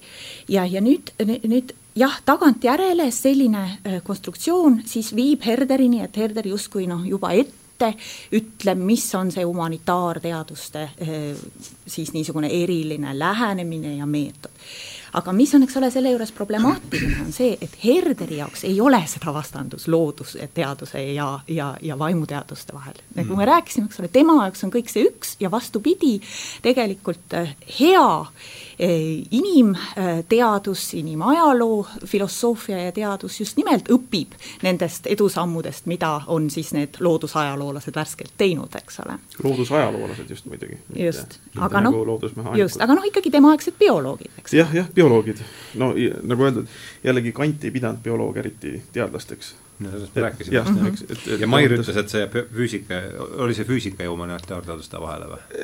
jah, selles mõttes, et bioloogia äh, on äh, täpselt mõlemat, nii reaalteadused ah, kui, reaal, kui ka, mhm. kui ka ajaloolised, et noh, et kui me bioloogiast võtame ajaloolisuse välja, siis me ei saa mitte midagi mm -hmm. ei seleta, sest evolutsioon on täiesti olemuslikult mahataandamatult bioloogiline mis on epigeneetiline vaade, mitte performistlik mm. -hmm. aga siis jah, tulles tagasi selle hermeneutika juurde, siis tegelikult noh, ikkagi see hilisem hermeneutiline traditsioon jääb siis sellele pinnale, et noh, et Herder on oluline just nimelt sellepärast, et ta näeb seda humanitaaria eri, erilisust ja, ja ei lase ennast sellele loodusteaduslikule liistule tõmmata ja, ja, ja, ja, ja noh, näeb inimest siis, siis noh, ikkagi niisuguse tähendusi loova äh, olendina, eks ole Eh, erinevalt muust loodusest, samas kui Herderi jaoks kogu loodus on tähenduslik, iga loom on mingis mõttes tähenduslikes seostes, et noh, Herder ütleb ju, et loodus ja. on semiootika. et selles mõttes noh, ma arvan, see on, see on kindlasti miski, mis võiks paeluda meie biosemiootikud ja et vaadata, mis ja, tegelikult ja, on ega ta seda semiootika sõna ju ei kasuta või kasutab? kasutab, kasutab, sõnalises mõttes siin on semiootika sõna sees. on, ma võin selle isegi üles leida. oli minu jaoks üllatus. kõik loob tähendusi, see sõna oli olemas kusjuures oh. Karl Enson Päär on Tartu Ülikooli semiootika osakonna äh, kas juhataja olnud või professor või, või selles mõttes, et loodus on semiootika, ütleb jah? jah, tähendab tema te,, muidugi siin tuleb aru saada natuke teises tähenduses, näiteks Pääril tähendas semiootika haigustunnuste ja haiguste vastavusse seadmist mingis mõttes. et haigusel on mingid märgid, aga aga Herdelil on see pigem noh, niisuguse geoloogilise taustaga. jah, hingesemiotika, see on lehekülg sada üheksakümmend viis on üks koht, kus ta seda mm -hmm. sõna kasutab. jah, ja seni, seni kuni sa otsid, ma räägin siis veel paari, paari sõnaga, et noh, sa leidsid üles? leidsin mm. -hmm. E jah, imeline on kunst, mida ta sea juures kasutab ja mõõtmatu abi ja ravivahendite varu, mida ta mõistab appi võtta kunagi hakatakse hingesemiotikat uurima, nii nagu praegu uuritakse kehasemiotikat. ja kehasemiotika all ta peabki silmas siis, eks ju, noh, kuidas mingid keha avaldu-, mingid kehaseisundid avalduvad. ja noh, mingi. keha annab märku oma ja, seisunditest. jah, ta, ta, ta, ta annab märku, aga see märk ei ole seisund ise, eks et see on, see on nagu oluline vahe. keha annab märku. üllatus, et see, et see sõna juba nii kaugele läheb. jah. no me võime seda ka sümptomiga, eks ole, teatud mm -hmm, mõttes siduda tunt-, nagu praegu uuritakse kehasemiootikuid, tunt-, tuntakse kõik, kõikides hingehaigustes ära nende vaimne olemus, nii et materialistide järeldused hai-, haihtuvad nagu uduvine päikese käes. jah, inimesele, kes on veendunud oma sees, oma mina seesmises elus, on kõik välised seisundid, milles keha, nagu kogu mateeria, lakkamatult muutub, aja jooksul üleminekud, mis tema olemust ei puuduta. ta sammub sellest maailmast ollesse teise märkamatult, nagu ta sammub ööst päeva, ühest elueast teise. anna mulle lehekülg. lehekülg sada üheksakümmend viis on see. see üks, kujund, millesse ma, ma veel võtsin, et Herder on arengupsühholoog fülogeneetilisel tasandil, liigi kujunemisloo mõttes noh, et are-, arengupsühholoog, eks ju, kui me räägime arengupsühholoogiast, siis me saame aru, et lapsel on teine maailmapilt, ta kontseptualiseerib maailma hoopis teisiti mm, -hmm. tema rakendab sama printsiipi ka noh, teistele liikidele mm. -hmm. ja see on see on mingis mõttes analoogia prin-, An analoogia printsiip jah, ja noh, tänapäeval näiteks, kes seda kõige rangemalt teeb võib-olla ja kõige edukamalt, noh kuna andmeid on nii palju juurde tulnud, on Franz de Waal mm. -hmm kes, kes sõimab täna, noh, tänapäevaseid dualistlikke äh, inimkäsitlusi noh, neo, neokreatsionistlikumaks ja tema määr, määratlebki neokreatsionismi siis arusaamana, et äh, arusaama vaikiva, vaiki eeldusena, et äh, kogu bioloogia tuleb humanitaariast välja peksta ja inimaju või tähendab, evolutsioon pea, peatus inimaju ees. Nagu tema ise ütleb, arvamus, et või kujutelm, et evolutsioon peatus inimaju ees. Ehk, ehk inimaju äh, on noh, umbes nagu kantil, et seal on mingi jumalik säde, mis on mitte evolutsiooniline mm. -hmm. aga noh, Herder ka nii-öelda intuitiivselt vastandub sellele seisukohale. mitte et intuitiivselt ma..., otseselt. nojah, võiks öelda otseselt jah ja, otse, otsesõnu. ja paljudes teostes. jah, et äh, me oleme, oleme loodusest pärit ja looduse kujundatud aga tõepoolest inimeses on keel, mis on midagi väga erilist. nojah, aga jumal on ju sama, ta on samas looduses nagu me kuulsime äsja, ta samastab selle või mm -hmm. pante-, panteistlik käsitlus. jah, aga noh, kantil, kantil on, eks ju, ikka midagi väljast on inimeses okei okay,, ikka seal, tal on ikkagi siis see, et äh, puhas panteism, et jumal on looduses ja välja, mitte seda ja, ja. midagi tast äh, jah. sest panenteistlik seisukoht, nii vähe kui mina sellest aru saan, on see, et äh, jumal on looduses, vaata, et loodus on jumalas jah, loodus on jumalas ja jumal on looduses, mõlemat pidi käib see asi. Äh, ühesõnaga, panenteism ja nii, jällegi ja. ma ei ole ju teoloog, ma hoiatan siin ette, eks, et äh, loodus ja, loodus ja jumal on üks, see on panteistlik seisukoht, eks ole, jumal on looduses. aga peale selle panen-, panenteism ütleb seda, et loodus äh, koos, koos selles oleva jumalaga on veel noh, paradoks, ühesõnaga loodus on siis jumala alamhulk, ütleme niimoodi, Venn diagrammil seda seda, et oleks arusaadav. jah. et tema on ikkagi puhas panteist siis Herder või? No võib-olla kui tulla tagasi selle Kanti Järderi vastanduse juurde selles plaanis, siis, siis eh, mis puudutab mõistust, siis eh, väga nõus Mihkliga, et, et, et tõesti Kanti puhul mõistus ikkagi, kuigi ta konstrueerib mingis mõttes seda ka, kuidas ajaloos on erinevad arvamused äh, olnud, näiteks mis puudutab noh, poliitilist valitsemist ja nii edasi, siis sellegipoolest tegelikult on olemas ikkagi need tõsikindlad vääramatud mõistusprintsiibid, mis, mis on väljaspool ajalugu, mis on väljaspool ka loodust, loodust ja need mm -hmm. on mhm. ikkagi tõesti jumalik säde, mis meis on, moraaliseadus on jumalik säde meis, eks ole, või ka tegelikult aruprintsiibid on muutumatud, tõsi, nii-öelda selged ja, ja, ja siin ei ole mingisugust nii-öelda evolutsioonilist arengut nende need suunas. nagu Neil on need eeldused, mida inimkond ja. peab välja arendama. on neil midagi suguluses platonistliku vormidega? loomulikult suguluses. ja, ja, ja teistaegu nüüd see herderlik, kuidas Herder ütleb mõistuse kohta, siin on, oli suur küsimus, et kuidas seda üldse tõlkida, ta ütleb, et see on etwas phenomenon olemas. mis tähendab, et midagi, mis on kokku kogutud. Ja, ja veel enam, vernehmen on tegelikult saksa keeles nii-öelda kuulma mm, -hmm, ku, kuulmise järgi aru saama, eks nagu mõistus on nii-öelda midagi kuultut ehk siis mõistus tõepoolest toimetab, nii-öelda proovib tungida läbi erinevatest siis äh, meid äh, ümbritsevatest nähtustest, luua mingisugust laadi süsteemi, eks ole, alla, alates siis tõesti nendest kõige primitiivsematest äh, metetajudest, mis teil, mis meil on ja, ja töötades neid siis välja niisuguseks noh, mingisugust laadi, eks ole, selgeks, selgeks süsteemiks jah, ja muidugi see ei toimu päris juhuslikult, selles mõttes, et meil on oma see niisugune noh, mõistus on füsioloogiline, ta järgib mm. meie keha printsiipe, ta järgib meie näiteks seda, et meie keha on sümmeetriline, mõistus otsib samuti sümmeetriat, ta mhm. otsib kooskuuluvust, koos toimimist, ühtsust mitme, mitmekesisuses ja nii edasi.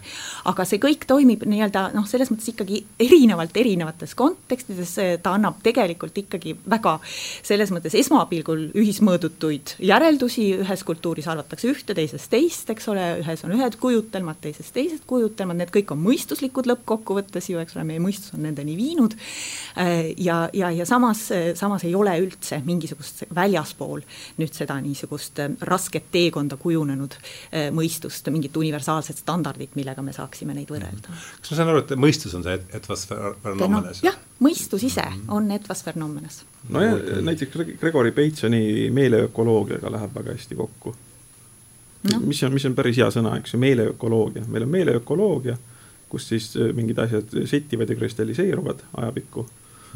Äh, noh, erinevates kontekstides kogutud kogemuste toel ja loomulikult, eks ju, see on kõik väga kehastunud mm. -hmm. et sellepärast ta räägib ka inimese kehakujust nii palju ja erinevate loomade kehakujust hmm. ja võrdleb neid no, ja, ja noh, püsti, püstiasendile paneb, paneb väga suurt rõhku inimese puhul mm. -hmm aga väike veel märkus, et sa mainisid siin seda Franz de Waali, et, et ma ka panin ühe viite siia selle Herder empaatiast, sümpaatiast kogumiku sissejuhatusse lihtsalt, et, et tõesti see on huvitav paralleel, eks ole, et Franz de Waalil on ju ka tees, et noh, tal on ra raamat Age of Empathy mm -hmm. ehk siis, ehk siis meie ajastu, kus me saame aru, et, et tõepoolest ka loomadel on äh, empaatia, empaatia..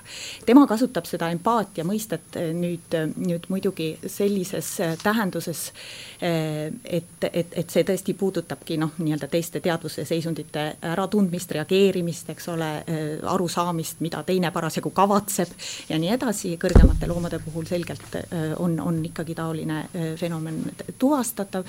Ja, ja, ja, ja selles mõttes see kõlab maru hästi kokku, kokku, eks ole, selle Herderi niisuguse universalistliku arusaamaga, et jaa, et loomulikult loomadel on empaatia, et noh, et see, et, mhm. et, et loom reageerib valukarjetele, see on, see on ilmselge, eks ole. ja, ja, ja samamoodi nüüd, nüüd inimene loomulikult reageerib loomavalukarjetele, et mm, -hmm. et seesama valufenomen jälle käis ju ka korra juba läbi, eks ole, Descartesi puhul, et, et kas me siis peaksime ignoreerima seda valuväljendust karjes või mitte. Herderi puhul tõesti, see on, see on tegelikult ilmselge näide sellest, kuidas loodus on süsteem, kõik, kõik reageerib kõigele, peale. liigisiseselt on need reaktsioonid tugevamad, et äh, üks loom tunneb teise, äh, teise karjade ära paremini kui, kui, kui teise liigi äh, seest tulenevad niisugused eneseväljendused.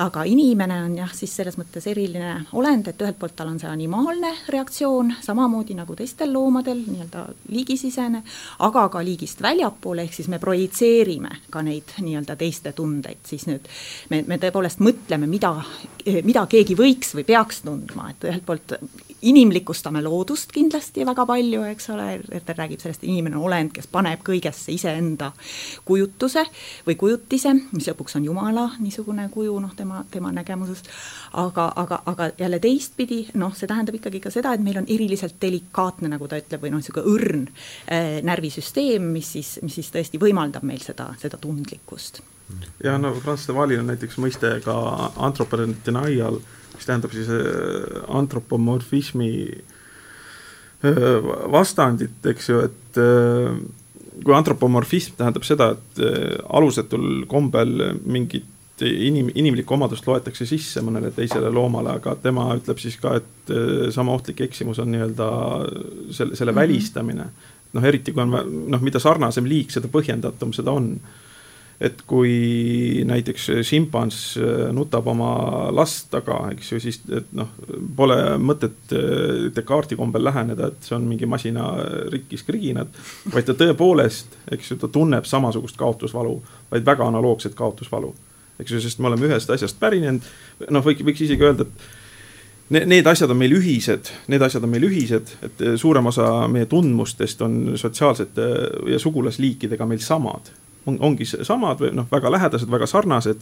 lihtsalt inimesel on mõni spetsiifiline omadus juures, mis tuleb näiteks keelevõimest Mm -hmm. et see, et noh, jah, et Aga selle, see, see tõdemus rajaneb ikkagi analoogial, sest statist, jah, Statistikaamet meile ei väljasta tõendeid selle kohta. tõepoolest jah, mingit arvulist äh, ühikut me ei saa mm. -hmm.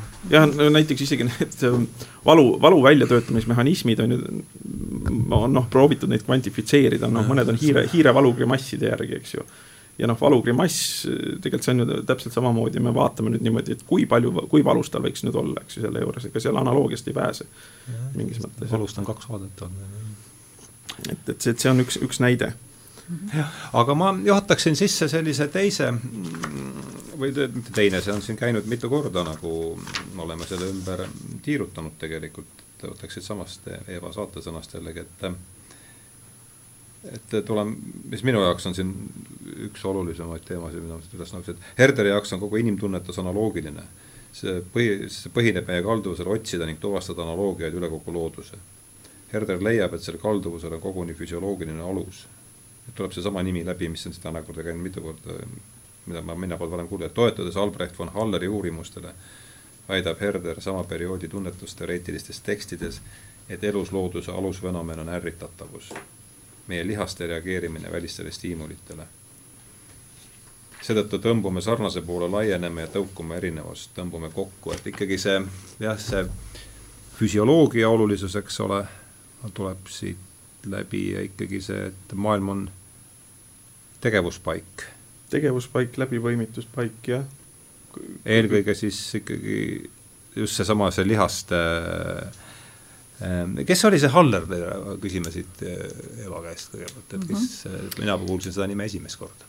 Šveitsi, eh, Šveitsi arst ja füsioloog, nagu võiks kirjeldada tema tegevust põhilise, põhilise märksõna kaudu, on, on, on siis tõesti, kes uuris meie, meie nii-öelda äh, keha reaktsioone, ärrituvust, tegi katseid eh, muidugi väga, väga öö, oluliselt erinevate loomorganismidega mm. -hmm. vaatas, kuidas siis ka tegelikult surnud organismi puhul seesama ärrituvus veel võib jääda, see lihase reaktsioon stiimulile võib jääda alles, ehk siis tegelikult noh, otsis nii-öelda elu alg, al, algupära ja seda, et noh, et kui kaua, kust me, mis, mis on siis ikkagi see, mis paneb organismid liikuma, äh, tuvastas siis tõepoolest selle, selle, selle nii-öelda fakti, et, et, et tõepoolest organismid äh, reageerivad välisele stiimulile, on, on siis, on siis selles mõttes selge füsioloogiline protsess, et see, mis on nii-öelda positiivne, selle suunas,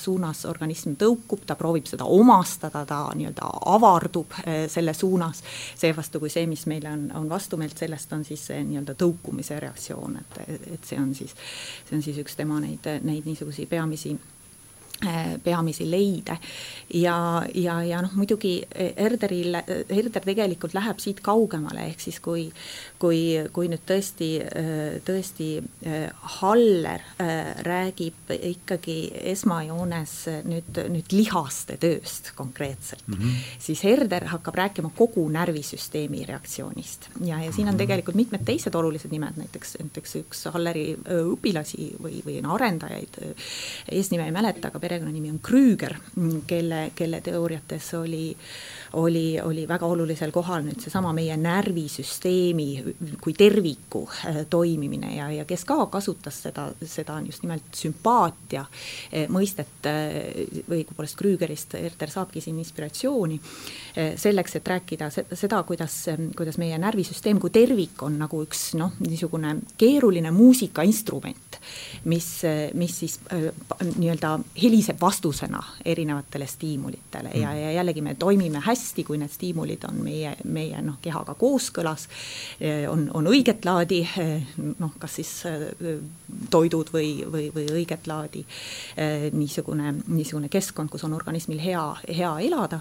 ja, ja, ja, ja tegelikult, et see fenomen iseenesest on noh, põhimõtteliselt kogu eluprotsessi selgituseks, ehk siis, et me tõmbume selle poole, mis on meile sobiv, me, me avame ennast sellele, me soovime seda omastada, isegi võib nii öelda lõppkokkuvõttes. ja, ja, ja teiselt poolt tõukume siis sellest, mis meile ei sobi. ja, ja veel kord, et Herder siis räägib ka inimese hingest või üldse inimorganismist kui niisugusest ähm, keerulisest äh, helikeelte koosmängust, mis siis, mis siis vastavalt, äh, vastavalt positiivselt reageerib või, või ei reageeri või vastupidi, tõmbub kokku nojah mu, muusikaline metafoorika on üldse romantilises ja anti, anti, või tähendab antikartesiaanlikus ontoloogias üsna olulisel kohal ja siin, siin ma tooksin välja võib-olla kaks aspekti. muusika üheks omapäraseks on see, et äh, sealt on kestus põhimõtteliselt välja redutseerimatu mm, -hmm. eks ju. matemaatika on ajatu, muusikas on kestus välja redutseerimatu äh, kaasakõlamine, eks ju, see, kui ta rääkis seal pillidest, noh no, no tänapäeval me teame, et tegu on resonantsiga ja kui me mõtleme, siis mis asi on resonants, siis res resonantsi kohta me võime öelda isegi suhteliselt vähe metafoorselt, et tegu on tegu mehaanilise sümpaatiaga, eks ju, kui oma võnkesagedus ühtib välisvõnkesagedusega, see tähendab, kehal on, kehal on mingi või noh, täiesti füüsikalises mõttes kehal, objektil on teatav oma võnkesagedus ja kui väline, väline, väljast tulev sagedus ühtib ehk sundvõnkesagedus ühtib oma võnkesagedusega, siis on selle võnkesageduse võimendumine on üks, üks märkus, mille ma tahtsin teha. teine, teine asi, ma mõtlen, et kui juba meil on tark inimene stuudios, siis teda tuleks põhi, põhjalikumalt ära kasutada ja et äh, ma sattusin Joonas Ellermaaga vestlema äh, Herderist. üks, üks, üks asi, milles me nagu jõudsime üksmeelele, on see, et miks seda näiteks baltisakslased vähe lugesid ja miks ta siin nagu popp ei olnud ja võib-olla miks ta üldse nii hästi noh, võrreldes Kantiga ei levinud, oli see, et ta tegelikult ikka nuhtles parasjagu kolonialismi mm. -hmm. ja noh, igasugust allutamist ja loomulikult näiteks, mis puudutab baltisakslased, siis nemad, nemad olid ise siin allutaja positsioonis. et või, võib-olla see on üks põhjus, miks Herder ei, ei läinud, sest näiteks sihukest antikolonialistlikku mõtlemist, mitte küll sihukeses moodsas sõnavaras, on siin ikka päris palju aga Joonas saatis mulle, Joonas Ellermaa saatis mulle mõne, mõned küsimused ja ma kasutaksin siis võimalust ja privileegi seda siin praegu ette lugeda Evale. Herderit on peetud ju histori-, historitsismi isaks. Nietzsche on vaadeldav selle lõpetajana näiteks ajaloo kasust ja kahjust. historismi üheks tagamaaks on vastudiskursus Prantsuse universalismile, väärtustades üksikut, partikulaarset, universaalse ja üldise ees. Herder mõtleb paljusust aga see pole ainus taust. miks üldse mõelda ajaloost? miks seda nii tähtsaks peeti? miks peab rahval olema ajalugu? selline luge, lugejakiri ähm, kas ma tohin jälle tulla veel tagasi teema juurde, millega sa seda äh, mõtisklust sisse juhatasid, ehk siis baltisakslased ja siis arutame veel ajaloo üle et äh, see baltisakslaste teema on, on, on selles mõttes põnev, et ega see ei ole nii ühene. et äh, baltisakslased just unustasid. no kõigepealt on nii, et, et, et tõesti Herderile pani väga suure, ütleme tema staatusele filosoofia ajaloos pani väga suure äh, siis sellise, vajutas suure pitseri Herderi julgust kritiseerida Kanti kanti äh, äh, süstemaatiliselt ja läbivalt ja mitte lihtsalt kanti, vaid kriitilist kanti, ehk siis kanti sel perioodil, kui Kant oli selle kuulsa Kopernikuse, just nimelt püha kanti, oli selle kuulsa Kopernikuse revolutsiooni läbi viinud ja tema filosoofia hakkas levima ja tal oli tohutu hulk andunud õpilasi ja, ja, ja, ja Herder kuulutas selle, selle kanti filosoofia ikkagi, ikkagi äh, läbinisti problemaatiliseks väga mitmes plaanis, nii moraali poliitika kui ka, kui ka tunnetusteooria mõttes. Ja, ja noh, tõesti otsustav äh, oli, oli ka Erderi julgustükk kirjutada teos pealkirjaga Metakriitika, äh, millel on kaks osa, tuhat seitsesada üheksakümmend üheksa, tuhat kaheksasada, kus ta siis põrmustas nii puhta mõistuse kriitika kui ka otsustusvõime kriitika ja, ja, ja põrmustas siis Erderi enda arusaamises ja väga paljude tänapäevaste äh, tõlgendajate arusaamises, aga sugugi mitte siis tema kaasaegsete arusaamises, ehk siis leviv ja valdav arvamus oli, et Herder Peeter ei saanud kandist aru, oli maha jäänud, oli, oli ajast ja arust, ei, ei käinud moega kaasas ja, ja, ja saksa idealistid, kes tegelikult on saanud küllalt palju Herderist mõjutusi, ei tunnistanud seda eh, sellepärast, et Herder oli julgenud nende teist suurt autoriteeti, nende nii-öelda ka nominaalset päris autoriteeti, keda nad tõesti otseselt kumandasid, ehk siis Kanti, oli julgenud nii räigelt kritiseerida, nii et see vajutas hästi tugeva pitseri Herderil, nii et paljud ei tahtnud üldse hiljem ennast tema järeltulijaks kuulutada. Ja minul on kahtlus, et, et kui näiteks ähm, rõhutatakse Jakob von Ükskülli äh, kantiaanlust äh, või räägitakse Viktor Heini, teise äh, baltisakslase, kes võib-olla on vähem tuntud, üheksateistkümnenda sajandi kultuuri ja, ja loodusfilosoofi kantiaanlust, siis see asi vajaks natuke lähemat uurimist, ehk siis mõlema puhul on selgelt näha paljusid Herderi ideid, mille päritolu nad Herderiga ei seo ja mida nad pigem seovad Kantiga, kellel need on hoopis teises staatuses, ehk siis nagu me nägime, Kanti jaoks bioloogia ei ole teadus või, või, või samamoodi kultuuride uurimisele ei, ei, ei pööra Kant äh, seda sorti tähelepanu nagu Herder. nojah, üks küll ju äh, laiendas Kanti, võiks öelda, kogu liigi, liikidele, bioloogiale, mis on väga suur samm Herderi lähemale. just, et ja, ja tegelikult küsimus on nüüd tõesti selles, et, et, et, et kas need ideed olid originaalselt just nimelt Kantis või oli Kant pigem lugenud Herderit ja proovinud mahutada tema ideid oma süsteemi, on väga mõjukaid kaasaegseid käsitlusi, näiteks John Samito Plato on üks äh, autoreid, kes on järjekindlalt näidanud seda, kuidas Kanti äh, seesama otsustusvõime kriitika on sündinud dialoogis Herderiga, püüdega seda kuidagi mahutada tema kategooriate alla, seda kuidagi kodustada, aga, aga, aga tegelikult äh, jääb noh, ütleme võrdluses nende kaasaegse teadusega alla sellele, mis, mis Herder suudab sellest absorbeerida ja aru saada. ehk siis tegelikult see on, see on väga keeruline, see Kanti-Herderi suhe ja see on, on, on, on mõjutanud ka seda, kuidas Herder Herderit on retsipeeritud, ehk siis mis on see hilisem arusaam olnud ja missugune, mis see soov on olnud, kas ennast siduda Herderiga või mitte, kas siduda ennast Kantiga või mitte, eks ole, kellega ennast ehtida, kelle nimega. ja, ja baltisakslaste kohta veel nii palju, et, et, ähm, et tõesti see kolonialism on, on kindlasti jah, miski, mis selgelt Herderi jaoks on, on absoluutselt problemaatiline nähtus igatepidi mm. -hmm. siin ei ole üldse mingisugust kahtlust, et ta, et ta ründab seda kõikvõimalikest vaatepunktidest ja, ja, ja samaaegselt on ta ühtlasi ka üpris kriitiline Saksa ajaloos toimunud arengute suhtes, nii et, et ka siin mm, on, on, on selgelt siis, siis Herder noh, kujutab siin, siin, siin sakslasi tõesti siis selle vallutajarahvana juba Euroopa ajaloos, noh, ta näeb seal ka paljusid positiivseid as-, aspekte, aga aga ühesõnaga, ta ei ole kindlasti selline, kes oleks väga, keda oleks väga lihtne siis kirjeldada kui, kui mingisugust Saksa idasuunalise kolonialismi õigustajat või, või, või kuidagigi, et see leiaks mingit mõistmist tema poolt, just nimelt nimelt, absoluutselt vastupidi. ja, ja samas äh, ikkagi on huvitav fakt see, et on olemas positiivne baltisaksa Herderi retseptsioon ja, ja päris pikaajaline.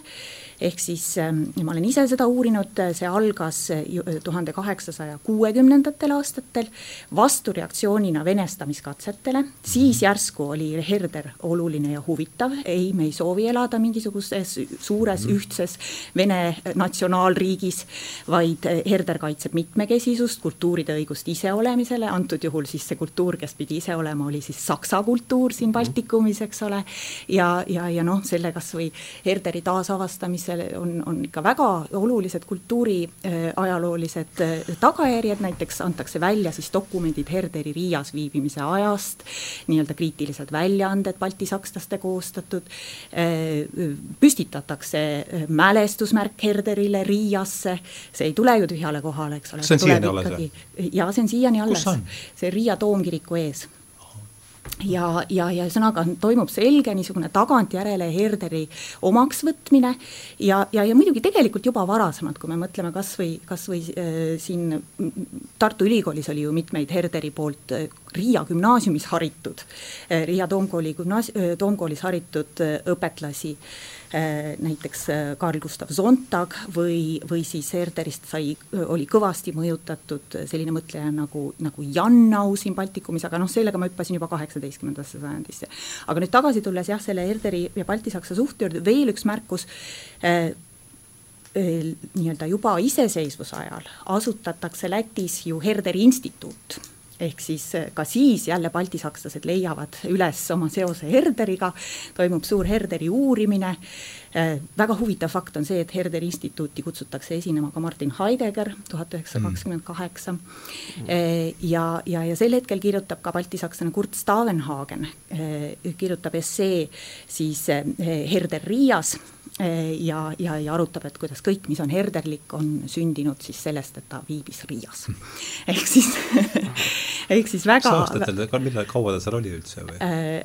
Riias viibis Herder aastatel tuhat seitsesada kuuskümmend neli kuni tuhat seitsesada kuuskümmend üheksa, ehk siis Aha. viis aastat. mis ta tegi seal täpselt, käis läbi tõenäoliselt? Herder, Herder oli seal äh, siis äh, Riia toomkooli õpetaja ja, ja ühtlasi ka pastor ehk siis äh, niisugune abipastor esialgu, sest noh, ta oli tõesti väga noor, ta oli värskelt ülikoolist tulnud ja ja, ja, ja saabus siis Riiasse ja asus seal, asus seal siis, ähm, siis sellistele vastutusrikastele ametikohtadele kohe ja, ja samaaegselt äärmiselt produktiivne periood tema, tema loomingus tegelikult, nii et selles mõttes Taven-Hagen äh, noh, ma arvan, et muidugi liialdab paljuski, aga, aga vähemalt midagi olulist on tabanud. Ja siis ka Erderi rahvalaul, seda teemat on ju uurinud kõigepealt teed rajavalt Leonid Arbuzov nii et, et palju, palju äh, huvi on Herderi vastu tegelikult baltisakslased tundnud ja osad ka selgelt ennast temaga äh, samastanud. nüüd äh, oli teine küsimus, oli Herderi ja ajalugu, et miks üldse tunda huvi ajalugu, miks rahv-, miks ühele rahvusele ajalugu? jah, ma võin, ma võin siin laiend-, laiendada seda, seda küsimust kohe, et äh, Tormis üheksakümnendal sünniaastapäeval oleks paslik ära tuua ka Herderi avastused rahvalauludest sealhulgas ka mõningad Eesti rahvalaulud, mida kuuldavasti Hupel või siinsed pastorid, kelle kaudu Herderile neid saadeti, ei pidanud millekski. milleks seda rahvakorinat koguda? rahvalaul on laiemalt ühenduses Herderi kultuurifilosoofia ja inimkonna mõistmisega. inimkonna kultuur on midagi ekspressiivset, väljenduslikku. kultuuris avaldub hing. ajalugu, kui niimoodi võib öelda, on selle hingeelu kartograafia ja kroonika et äh, kuna ekspressivism on nii keskne, siis meil siit otsene, otsetee kunstilise tegevuse ja esteetika erilise kaalu juurde kultuuris. no iseenesest ta kunstist räägib tõepoolest ka palju ja kuidas äh, noh, vaim arendab välja tööriistu, ta võib teha neid kohmakalt, ta võib neid alguses valesti kasutada ja kunagi läheb kõik äh, nii-öelda õige asja ette. aga no küsimus on siiski jah, et mille, milleks rahvusele ajalugu? et ma vahendan siin seda küsimust mm. -hmm päris kõrge abstraktsiooni taseme küsimus jaa, ei see on see on... herderlikust vaatevinklist mm -hmm. siis no loomulikult mm. -hmm. No ma mõtlen, kust alustada, et ähm,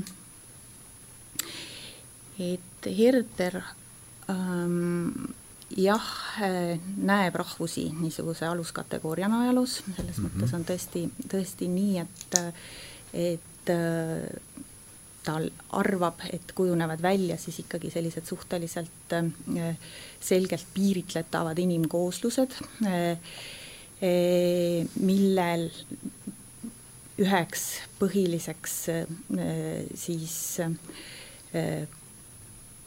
kokkutoovaks või, või, või ühendavaks äh, teguriks on kindlasti keel.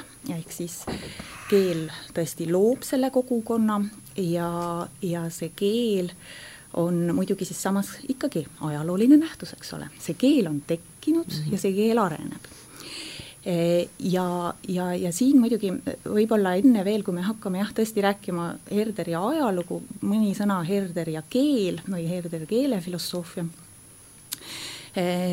Keel kindlasti ongi eh, Herderi jaoks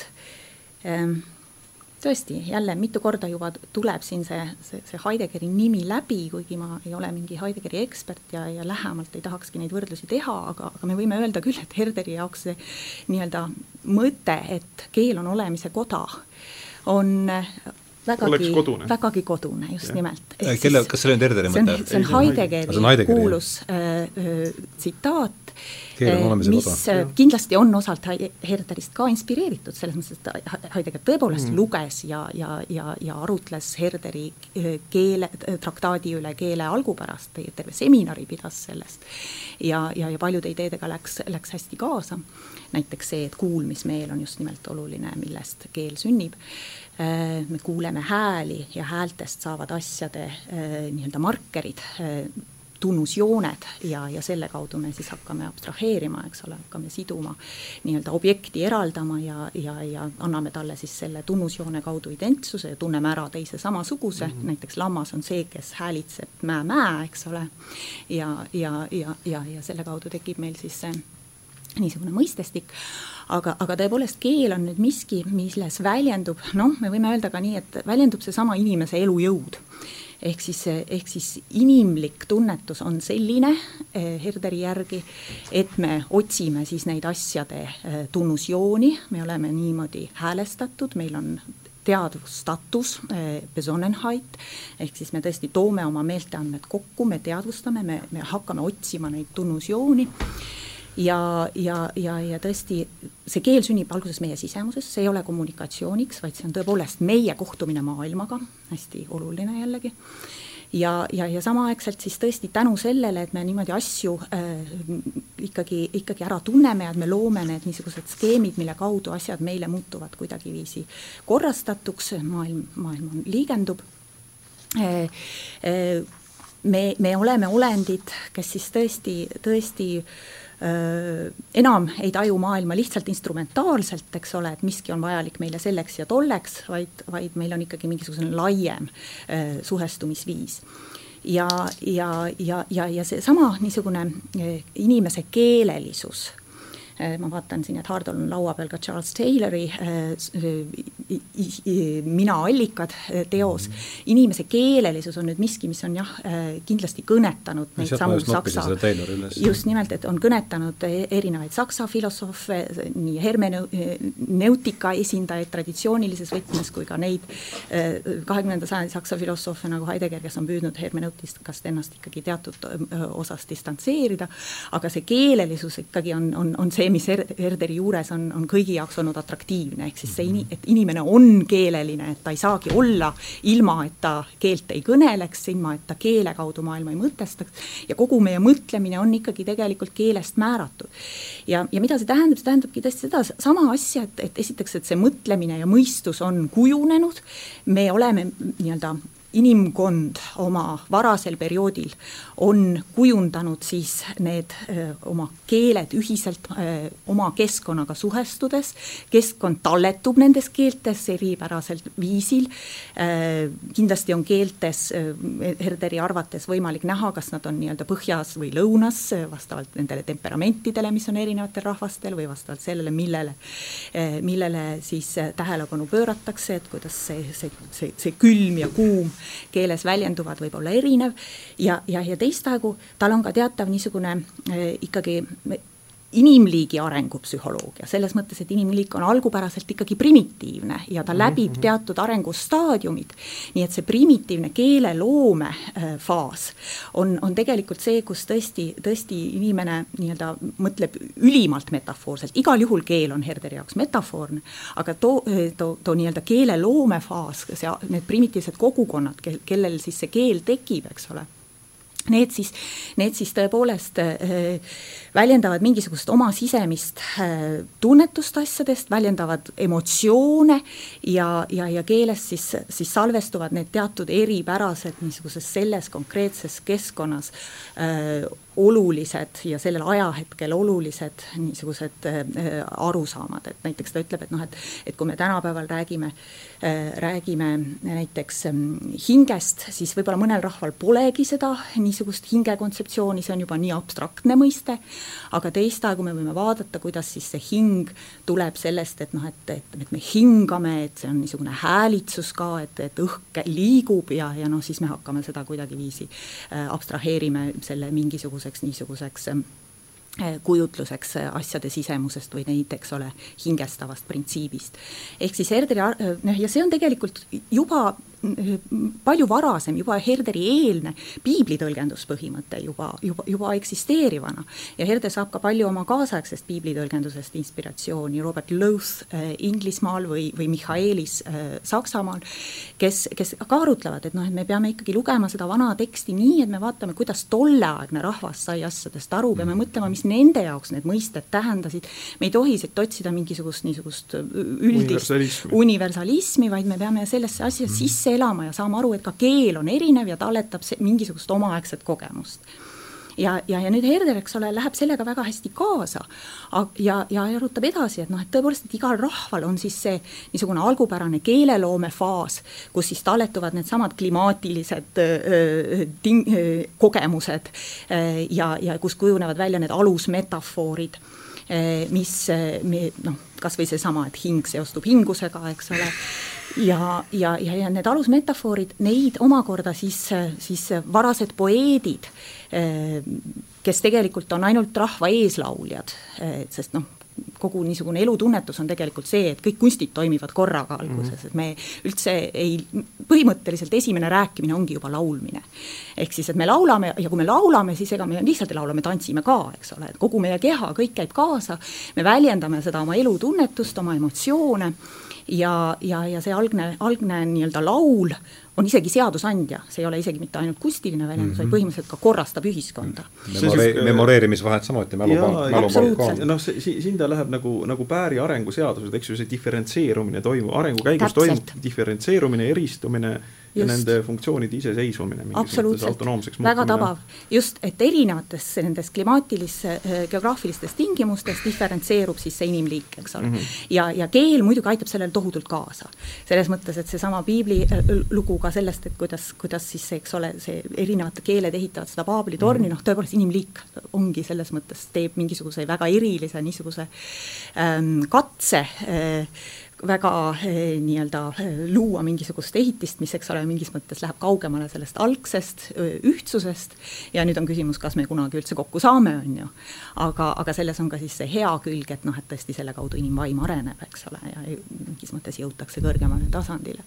ühesõnaga, toimub diferentseerumine, keel ainult võimendab seda, inimkond jaguneb osadeks, kelle siis keel, keele, keel on nii-öelda see, see, see, see, see, see juur milles siis see eripärane kogemus äh, talletub, äh, seda pidevalt, eks ole, mm, selles mõttes luuakse edasi, ehk siis äh, poeedid ühelt poolt eestkõnelejatena siis, siis vormivad selle, selle rahvuse, ta kasutab isegi sellist mõistet nagu etopoeia.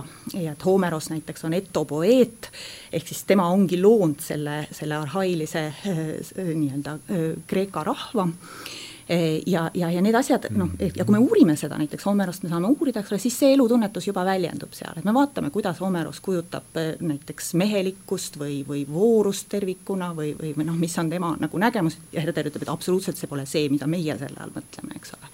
ütleb, et noh, see on mingi ehe elutunnetus, mingi ehe selline eh, kuidas tal on see omaaegne väljend, omaaegne ja, ja, ja noh, hoopis, hoopis teistmoodi. ja, ja, ja siis eh, samaaegselt, eks ole, Homeros on tema ajal paljude jaoks etalon, keda peaks imiteerima.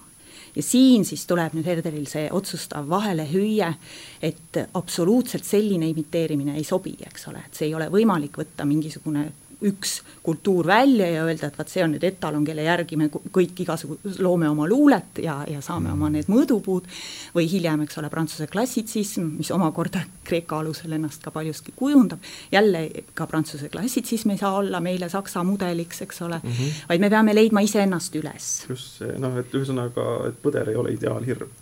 just aga ma pean siin vaatama ka kellale otsa ja, ja vaata, kus on jälle läinud kiiresti heas seltskonnas aeg, et nagu siin paarikümne minutiga tõmbame seda otsad kokku, et ma nüüd äh, ütlen nagu ette ära, et mis, mis küsimusega ma tahaks lõpetada selle, et see on nüüd paar äh,, siin, kui uus hooaeg algas, et ma küsisin alguses inimeste käest, et mis nad sellest kevadest äh, neile on meelde jäänud, sest ta on ju meeldejääv kevad, aga ma olen natuke muutnud küsimust ja üritan äh, viimastes saadetes küsinud kõigilt seda, et nimetage palun ja tuleme selle juurde tagasi, saate juba ette mõelda, et kolm sündmust oma elust, kus te tunnete, et suur ajalugu on teid puudutanud niimoodi läbi isiklikult, et äh, oota, et kas vastame kohe või? ei, hoia meeles natuke, et sellega tahaks ah, lõpetada, lõpp, lõpuni on aega veel. panen alateadvusesse tiksuma. pane alateadvusesse tiksuma, just väga aga ma võtaksin viimase, viimase teema veel siit, ega me rohkem käsitleda ei jõua, et mis ma siit, siis ma saangi kenasti selle leheküljega hakkama. tema Eeva, tähendab siis Eeva mm, saatesõnast jällegi.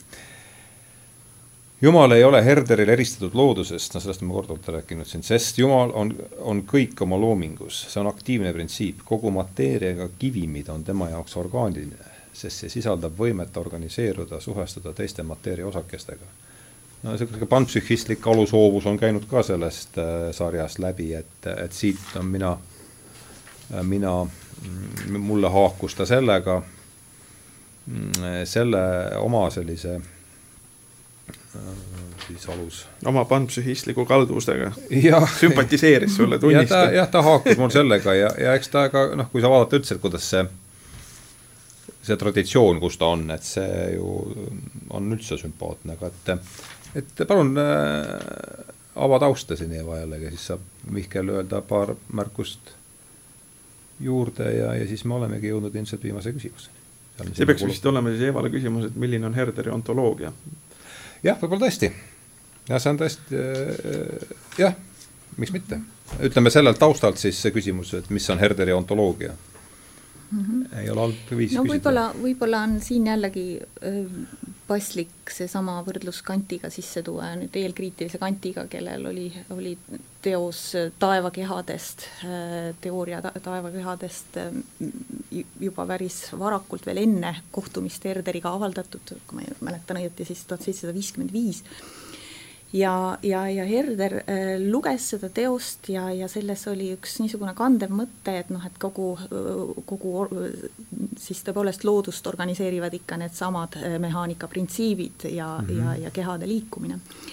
ja, ja tõmbe- ja tõukejõud ja Herder luges ja ütles, et, et noh, et see on nüüd võti, aga ta laiendas selle sinna, kuhu Kant ei tahtnud. Ehk siis mhm. seesama tõmbe- ja tõukejõud ei ole ainult nende nii-öelda kehade liikumise seletuseks, vaid seletavad ka siis ikkagi elavaid organisme. siis pigem nagu Halleri kui Newtoni tähenduses? just, et noh, et niisuguses hallerlikus suunas arendas sedasama Kantist saadud ideed, ta üldse ei arvanud, et Kant nii valuliselt reageerib sellele, et ta seda nii ilusasti edasi arendab mm. -hmm. aga Kant reageeris sellele tõesti valuliselt ja, ja arvas, et et noh, Kanti kommentaar ju sellele sama Herderi mõtete teosele oli, et et, et see on metafüüsika ja sealjuures veel eriti dogmaatiline metafüüsika. ehk siis, ehk siis tõesti Kanti, Herderi, Herderi ontoloogia on selles mõttes tõesti selgelt äh, orgaaniliste jõudude äh,, tõmbe- ja tõukejõudude äh, teooria, ehk siis need on need alusprintsiibid, lõppkokkuvõttes läheb see tagasi siis, siis Jumalale kui sellele algsele printsiibile, kes on ühtaegu siis nii noh, spinotsistlikult või sellise ratsionalistliku äh, metafüüsika mõttes äh, mõte, äh, kes nii-öelda subjekt, mis, mis, mis mõtleb ja mis mõtleb iseennast ja mis selleks peab siis, siis, siis looma need objektid, mida ta mõtleb, ehk siis väiksemal kujul ma, maailma liigendama, millest ta ennast ära tunneb, kuid teistaegu siis ka tõesti, et, et Jumal on see algupärane jõud, noh, pigem siis nüüd juba täitsa sellises aristotelikus võtmes lausa me võime öelda, et see, see jõud, mis, mis, mis maailmas ennast väljendab. Ja, ja formeeriv printsiip ja, ja, ja need ta toob kokku siis, et põhimõtteliselt ongi, Jumal on üks äh, mõttejõud äh,, nii-öelda gedanke ja, ja, ja kraft äh, korraga ja, ja, ja see seletab tegelikult kogu selle loodusprotsessi, ehk siis orgaaniliste jõudude niisugune toimimine on see, mis, mis, mis seletab siis nende organismide moodustumist lihtsamate, keerukate, lihtsamatest keerukamate vormideni, aga kõik on lõppkokkuvõttes üks süsteem.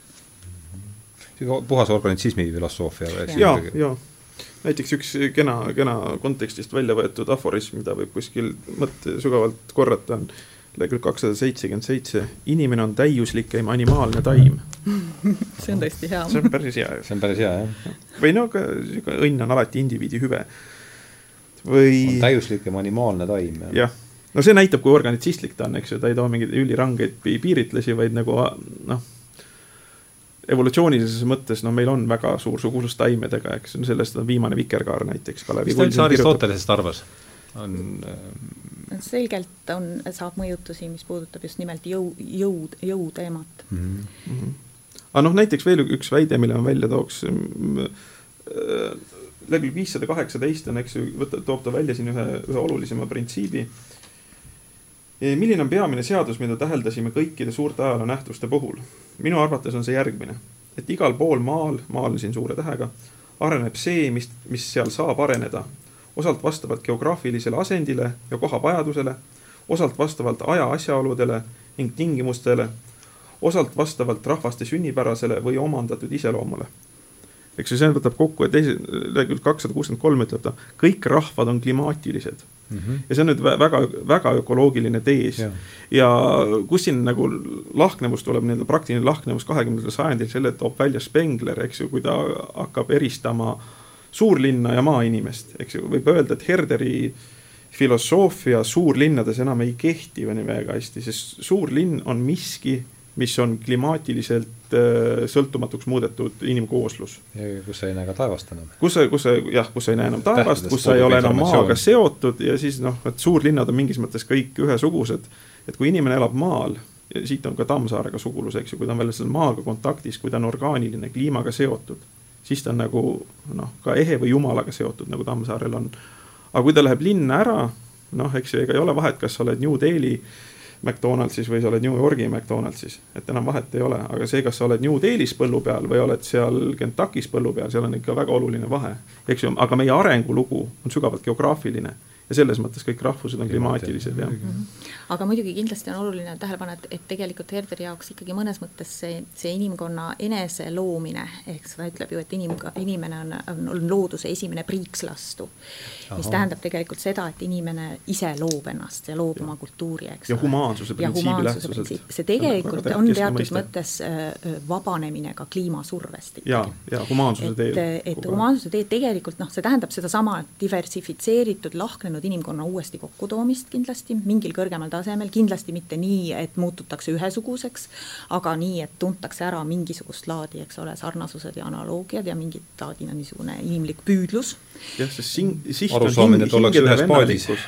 just, arusaamine, et ollakse ühes paadis, rahu käib sellega kaasa nii-öelda konkreetse poliitilise väljundina, kindlasti ta ei ütle, et seda, et, et see on võib-olla lõplikult saavutatav, aga see on vähemalt niisugune asi, mis, mis püüdlusena tuntakse ära. teadus ja mõistus ja ja, ja, ja, ja selle, see, see tõesti tähendab ka, ka ikkagi teatavat niisugust kliimasõltumatust ja, ja, ja noh, siin on jah, tõesti selles mõttes huvitav spekuleerida selle üle, et, et, et mis siis see niisugune herderlik tõesti, tõesti nägemus on. et ühelt poolt siin selles saatesõnas ma olen hästi tugevalt rõhutanud seda, et, et Euroopa näiteks on tema jaoks midagi noh, mingit laadi inimkonna arengu uus staadium. ehk siis Euroopas segunevad, on, on juba segunenud rahvad, need rahvad, mis praegu on, on segunenud tegelikult rahvaste rännu tulemusel, eks ole, või tekkinud rahvaste rännust. seal on väga niisugused niisugused kummalised ja, ja alguses ülimalt problemaatilised konstellatsioonid nagu Saksa-Rooma kokkusaamine Rooma poolt kiriku kaudu ja paavsti kaudu tulev niisugune Rooma keisririigi ideoloogia, teiselt poolt sakslased oma toores vallutuslikkuses, väga halb süntees alguses mm. tema arvates.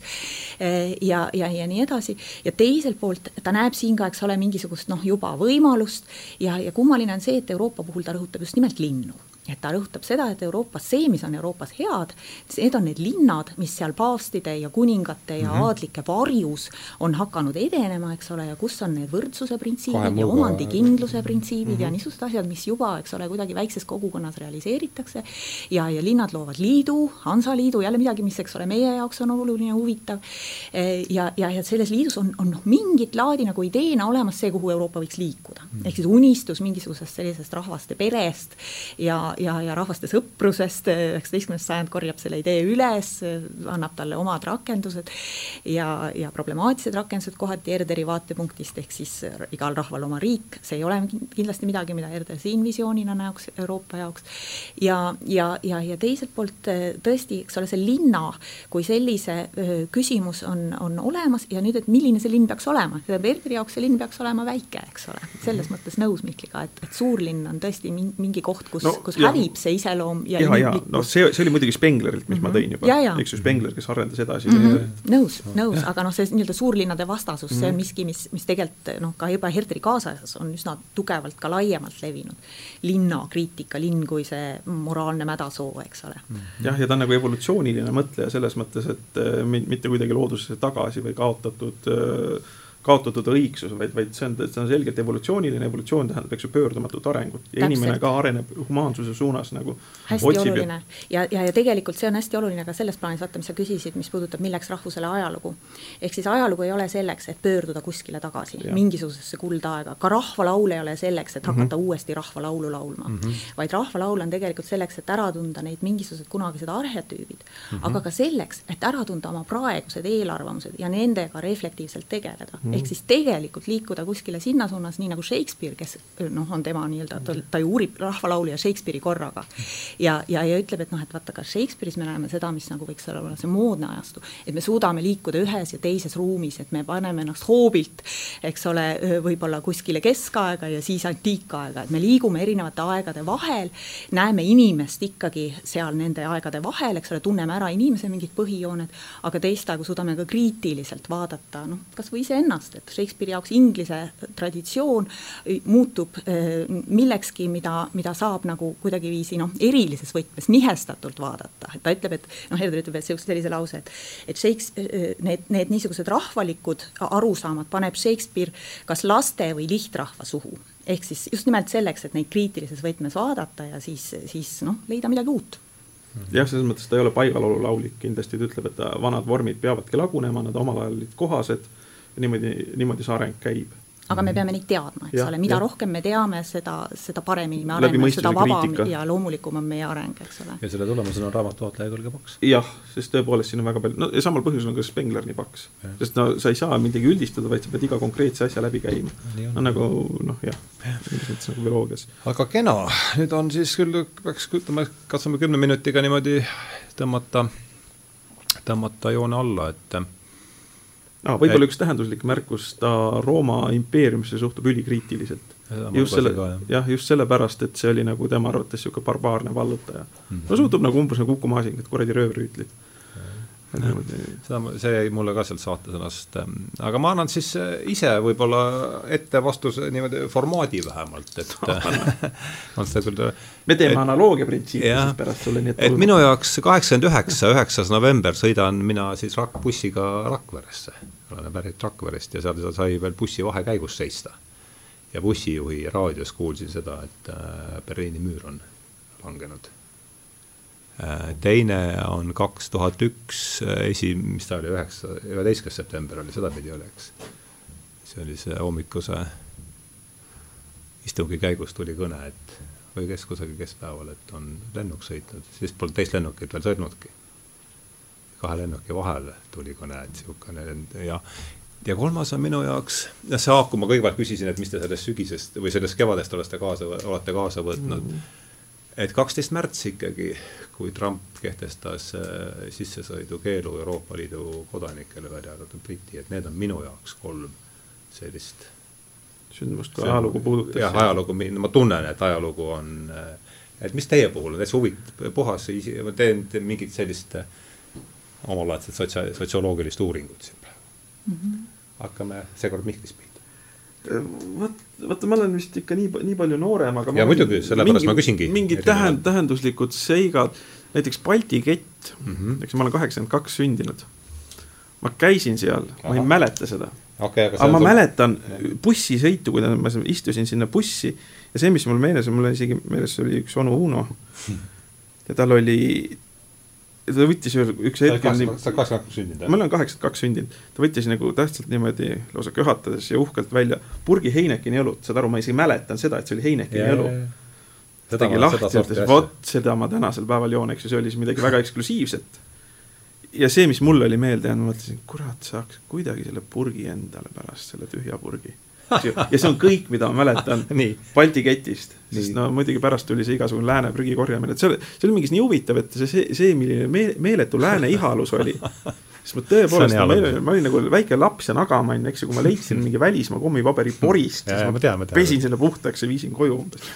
nii, aga läheme edasi, teine, teine sündmus teine sündmus võib-olla ka kaksiktornid, seda ma ka mäletan, üks mm. klassivend helistas mulle ja ütles, et USA-s lendavad lennukid kaksiktornidesse. ma ütlesin, ai, Kalev, mis sa ajad, miks nad seda peaks tegema ma olin tudeng, ma olin tudeng, siis ma olin just ülikooli tulnud kaks tuhat ja see oli noh, üks esimeste kursuste tudengeid, aga muidu ka jah, tõenäoliselt, et eh, noh, koroona kevad, et siin ma mõtlesin. sa paneksid ka sama niimoodi või? nüüd on, nüüd on pöördumine võib, võib-olla küll ja aga no midagi... tegelikult ikka see iseseisvuse taastumine, et noh, ma olin küll väga, väga noor, aga no Balti kett läheb selle, võtab selle, hõlmab selle jaa, aga ma mäletan ka seda niimoodi, et äh, ma ei teadnud, mida tähendab sõna perestroika, aga ma tean, et kui ma kuulsin seda Villu Tammet laulmas, siis ma lihtsalt nagu hüsteeriliselt naersin, see tundus lihtsalt nii naljakas, et noh, ta tundus esiteks nii totakas oma kukaharjaga, ma ei saanud aru, miks üks täiskasvanud inimene teeb sihukest totrust, eks ju. sa oled siis seitsmeaastane kuskil? jah ja siis nagu ema-isa vaatasid tõsiselt ja mõtlevad, ah kui naljakas mees,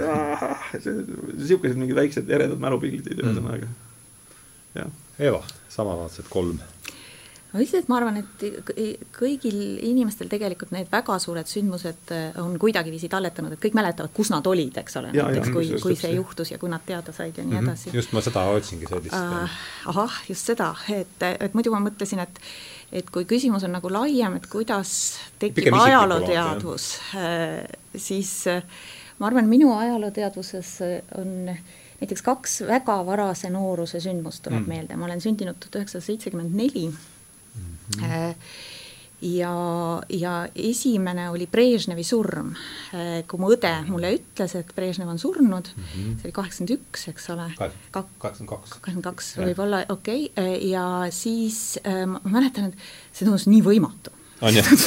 täiesti võimatu, see Ivan Orava mälestustes kuidas saab olla kivi ju ei sure ta on, Ivan Orava mälestustes on see, inimesed arutavad, et ta on, kui vana ta on, et mingi seitsesada või kaheksasada just, ja, ja tõesti, see kogemus on nagu nii selge ja siis pärast kogu aeg keegi sureb, eks ole. jah, järjest lähevad. trah, trah, trah on järjest need, need ja. erinevad ajakirjad, mille kaanel on siis leinalindiga suur juht mm. -hmm. ja siis järgmine, järgmine on rohkem selline mälestus, mis võib-olla on unenägu, võib-olla on mälestus, ma ei tea, midagi selget siin ei ole. aga, aga on nagu niisugune eh, Vanemuise teatris eh, käik eh, emaga, kus mängiti suve ja kus nii nagu ma mäletan, selle etenduse jooksul pandi korraks mängima Eesti Vabariigi hümn ja see pidi ka olema kaheksakümnendatel, nii et ma ei tea, kas see saab olla tõsi ja, ja, ja kuidas see võimalik on. aga lugu oli nii, et noh, mina seda muidugi ära ei tundnud, sest ma nii äh, olin veel väike. võis vabalt olla, jah. aga ema äh, hakkas nutma nutma ja siis me läksime koju ja siis ema hakkas vaat-, hakkas arutama, et, et kas, et mis see nüüd on ja mis see võib olla ja siis oli veebruarikuu, nii et see võis olla tegelikult kaheksakümmend neli veebruar, nii et võis olla selline riigivastane akt, mida, mida siis Vanemuise teater teostas sel hetkel ja, ja noh, Nõukogude riigivastane, eks ole. see võis olla ka kaheksakümmend seitse vaba juba, vabalt juba. võimalik, ma ei suuda seda dateerida, ma ei suuda seda kinnitada, aga mis see minu jaoks oli, oli see, et ma sain aru, et noh, et see Eesti Vabariik, see, see oli kindlasti Nõukogude aeg, ühesõnaga. ja, ja, ja, ja sügav Nõukogude aeg, mitte see nii-öelda ülemineku aeg. ja, ja et ma sain aru, et noh, et tõepoolest, et Eesti Vabariik on midagi ikkagi väga eh, nagu, et see on olnud, et see on kuidagiviisi uuesti kohal ja, ja, ja et seda, see, see, see, see, see, see tekitab väga tõsiseid emotsioone mm. -hmm. et, et, et, et see oli siis nagu teine niisugune ajaloolisuse äratabamine. ja siis võib-olla kolmandaks, ma ei räägiks nii palju sündmusest, aga lihtsalt see protsess, et tõesti, mhm. mina olin siis, siis noor äh, üheksakümnendatel eh,, nii-öelda ülikooli astusin ja, ja, ja sel eh,, issand, kaks või millal ma siis nüüd astusin, jah, mhm. ja, ja sel hetkel lihtsalt kogu aeg see pidev tundmine, et, et kõik muutub, kõik mhm. kogu aeg muutub, kõik on meie teha, mis me teeme nii-öelda, et, et, et kuigi tegelikult mina liikusin võrdlemisi traditsioonilistes rahvuslikes ringkondades, akadeemiliste organisatsioonide nagu taasasutamine ja ma astusin hiljem, noh, ma ei olnud taasasutaja, aga ma astusin Eesti Naisõppes Seltsi ja nii edasi, aga, aga kuidagi ka seal oli see tunne, et noh, on küll nüüd mingid vanad asjad, mis me oleme võtnud, aga me kõike teeme nüüd uuesti, ise leiutame ja ise anname neile tähendusi. Ja, ja see oli hästi võimas tunne tegelikult, et kõik on nagu avatud, kõik on meie teha ja, ja, ja et, et, et on nagu mingi uus, uus avanemine. üheksakümnenda aasta algus, jah. Mm -hmm.. nojah, see on hästi põlvkondlik, eks. kena, aitäh teile.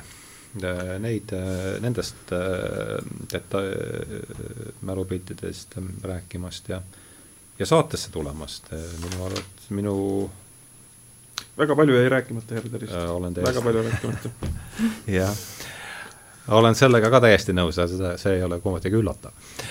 et äh, mul on väga hea meel, et te tulite stuudiosse, et minu arusaamine Herderist äh, kasvas ikkagi hüppeliselt, sest äh, jummalast normaalne tüüp. jah, tundub, et ole Riias ka elanud ja puha.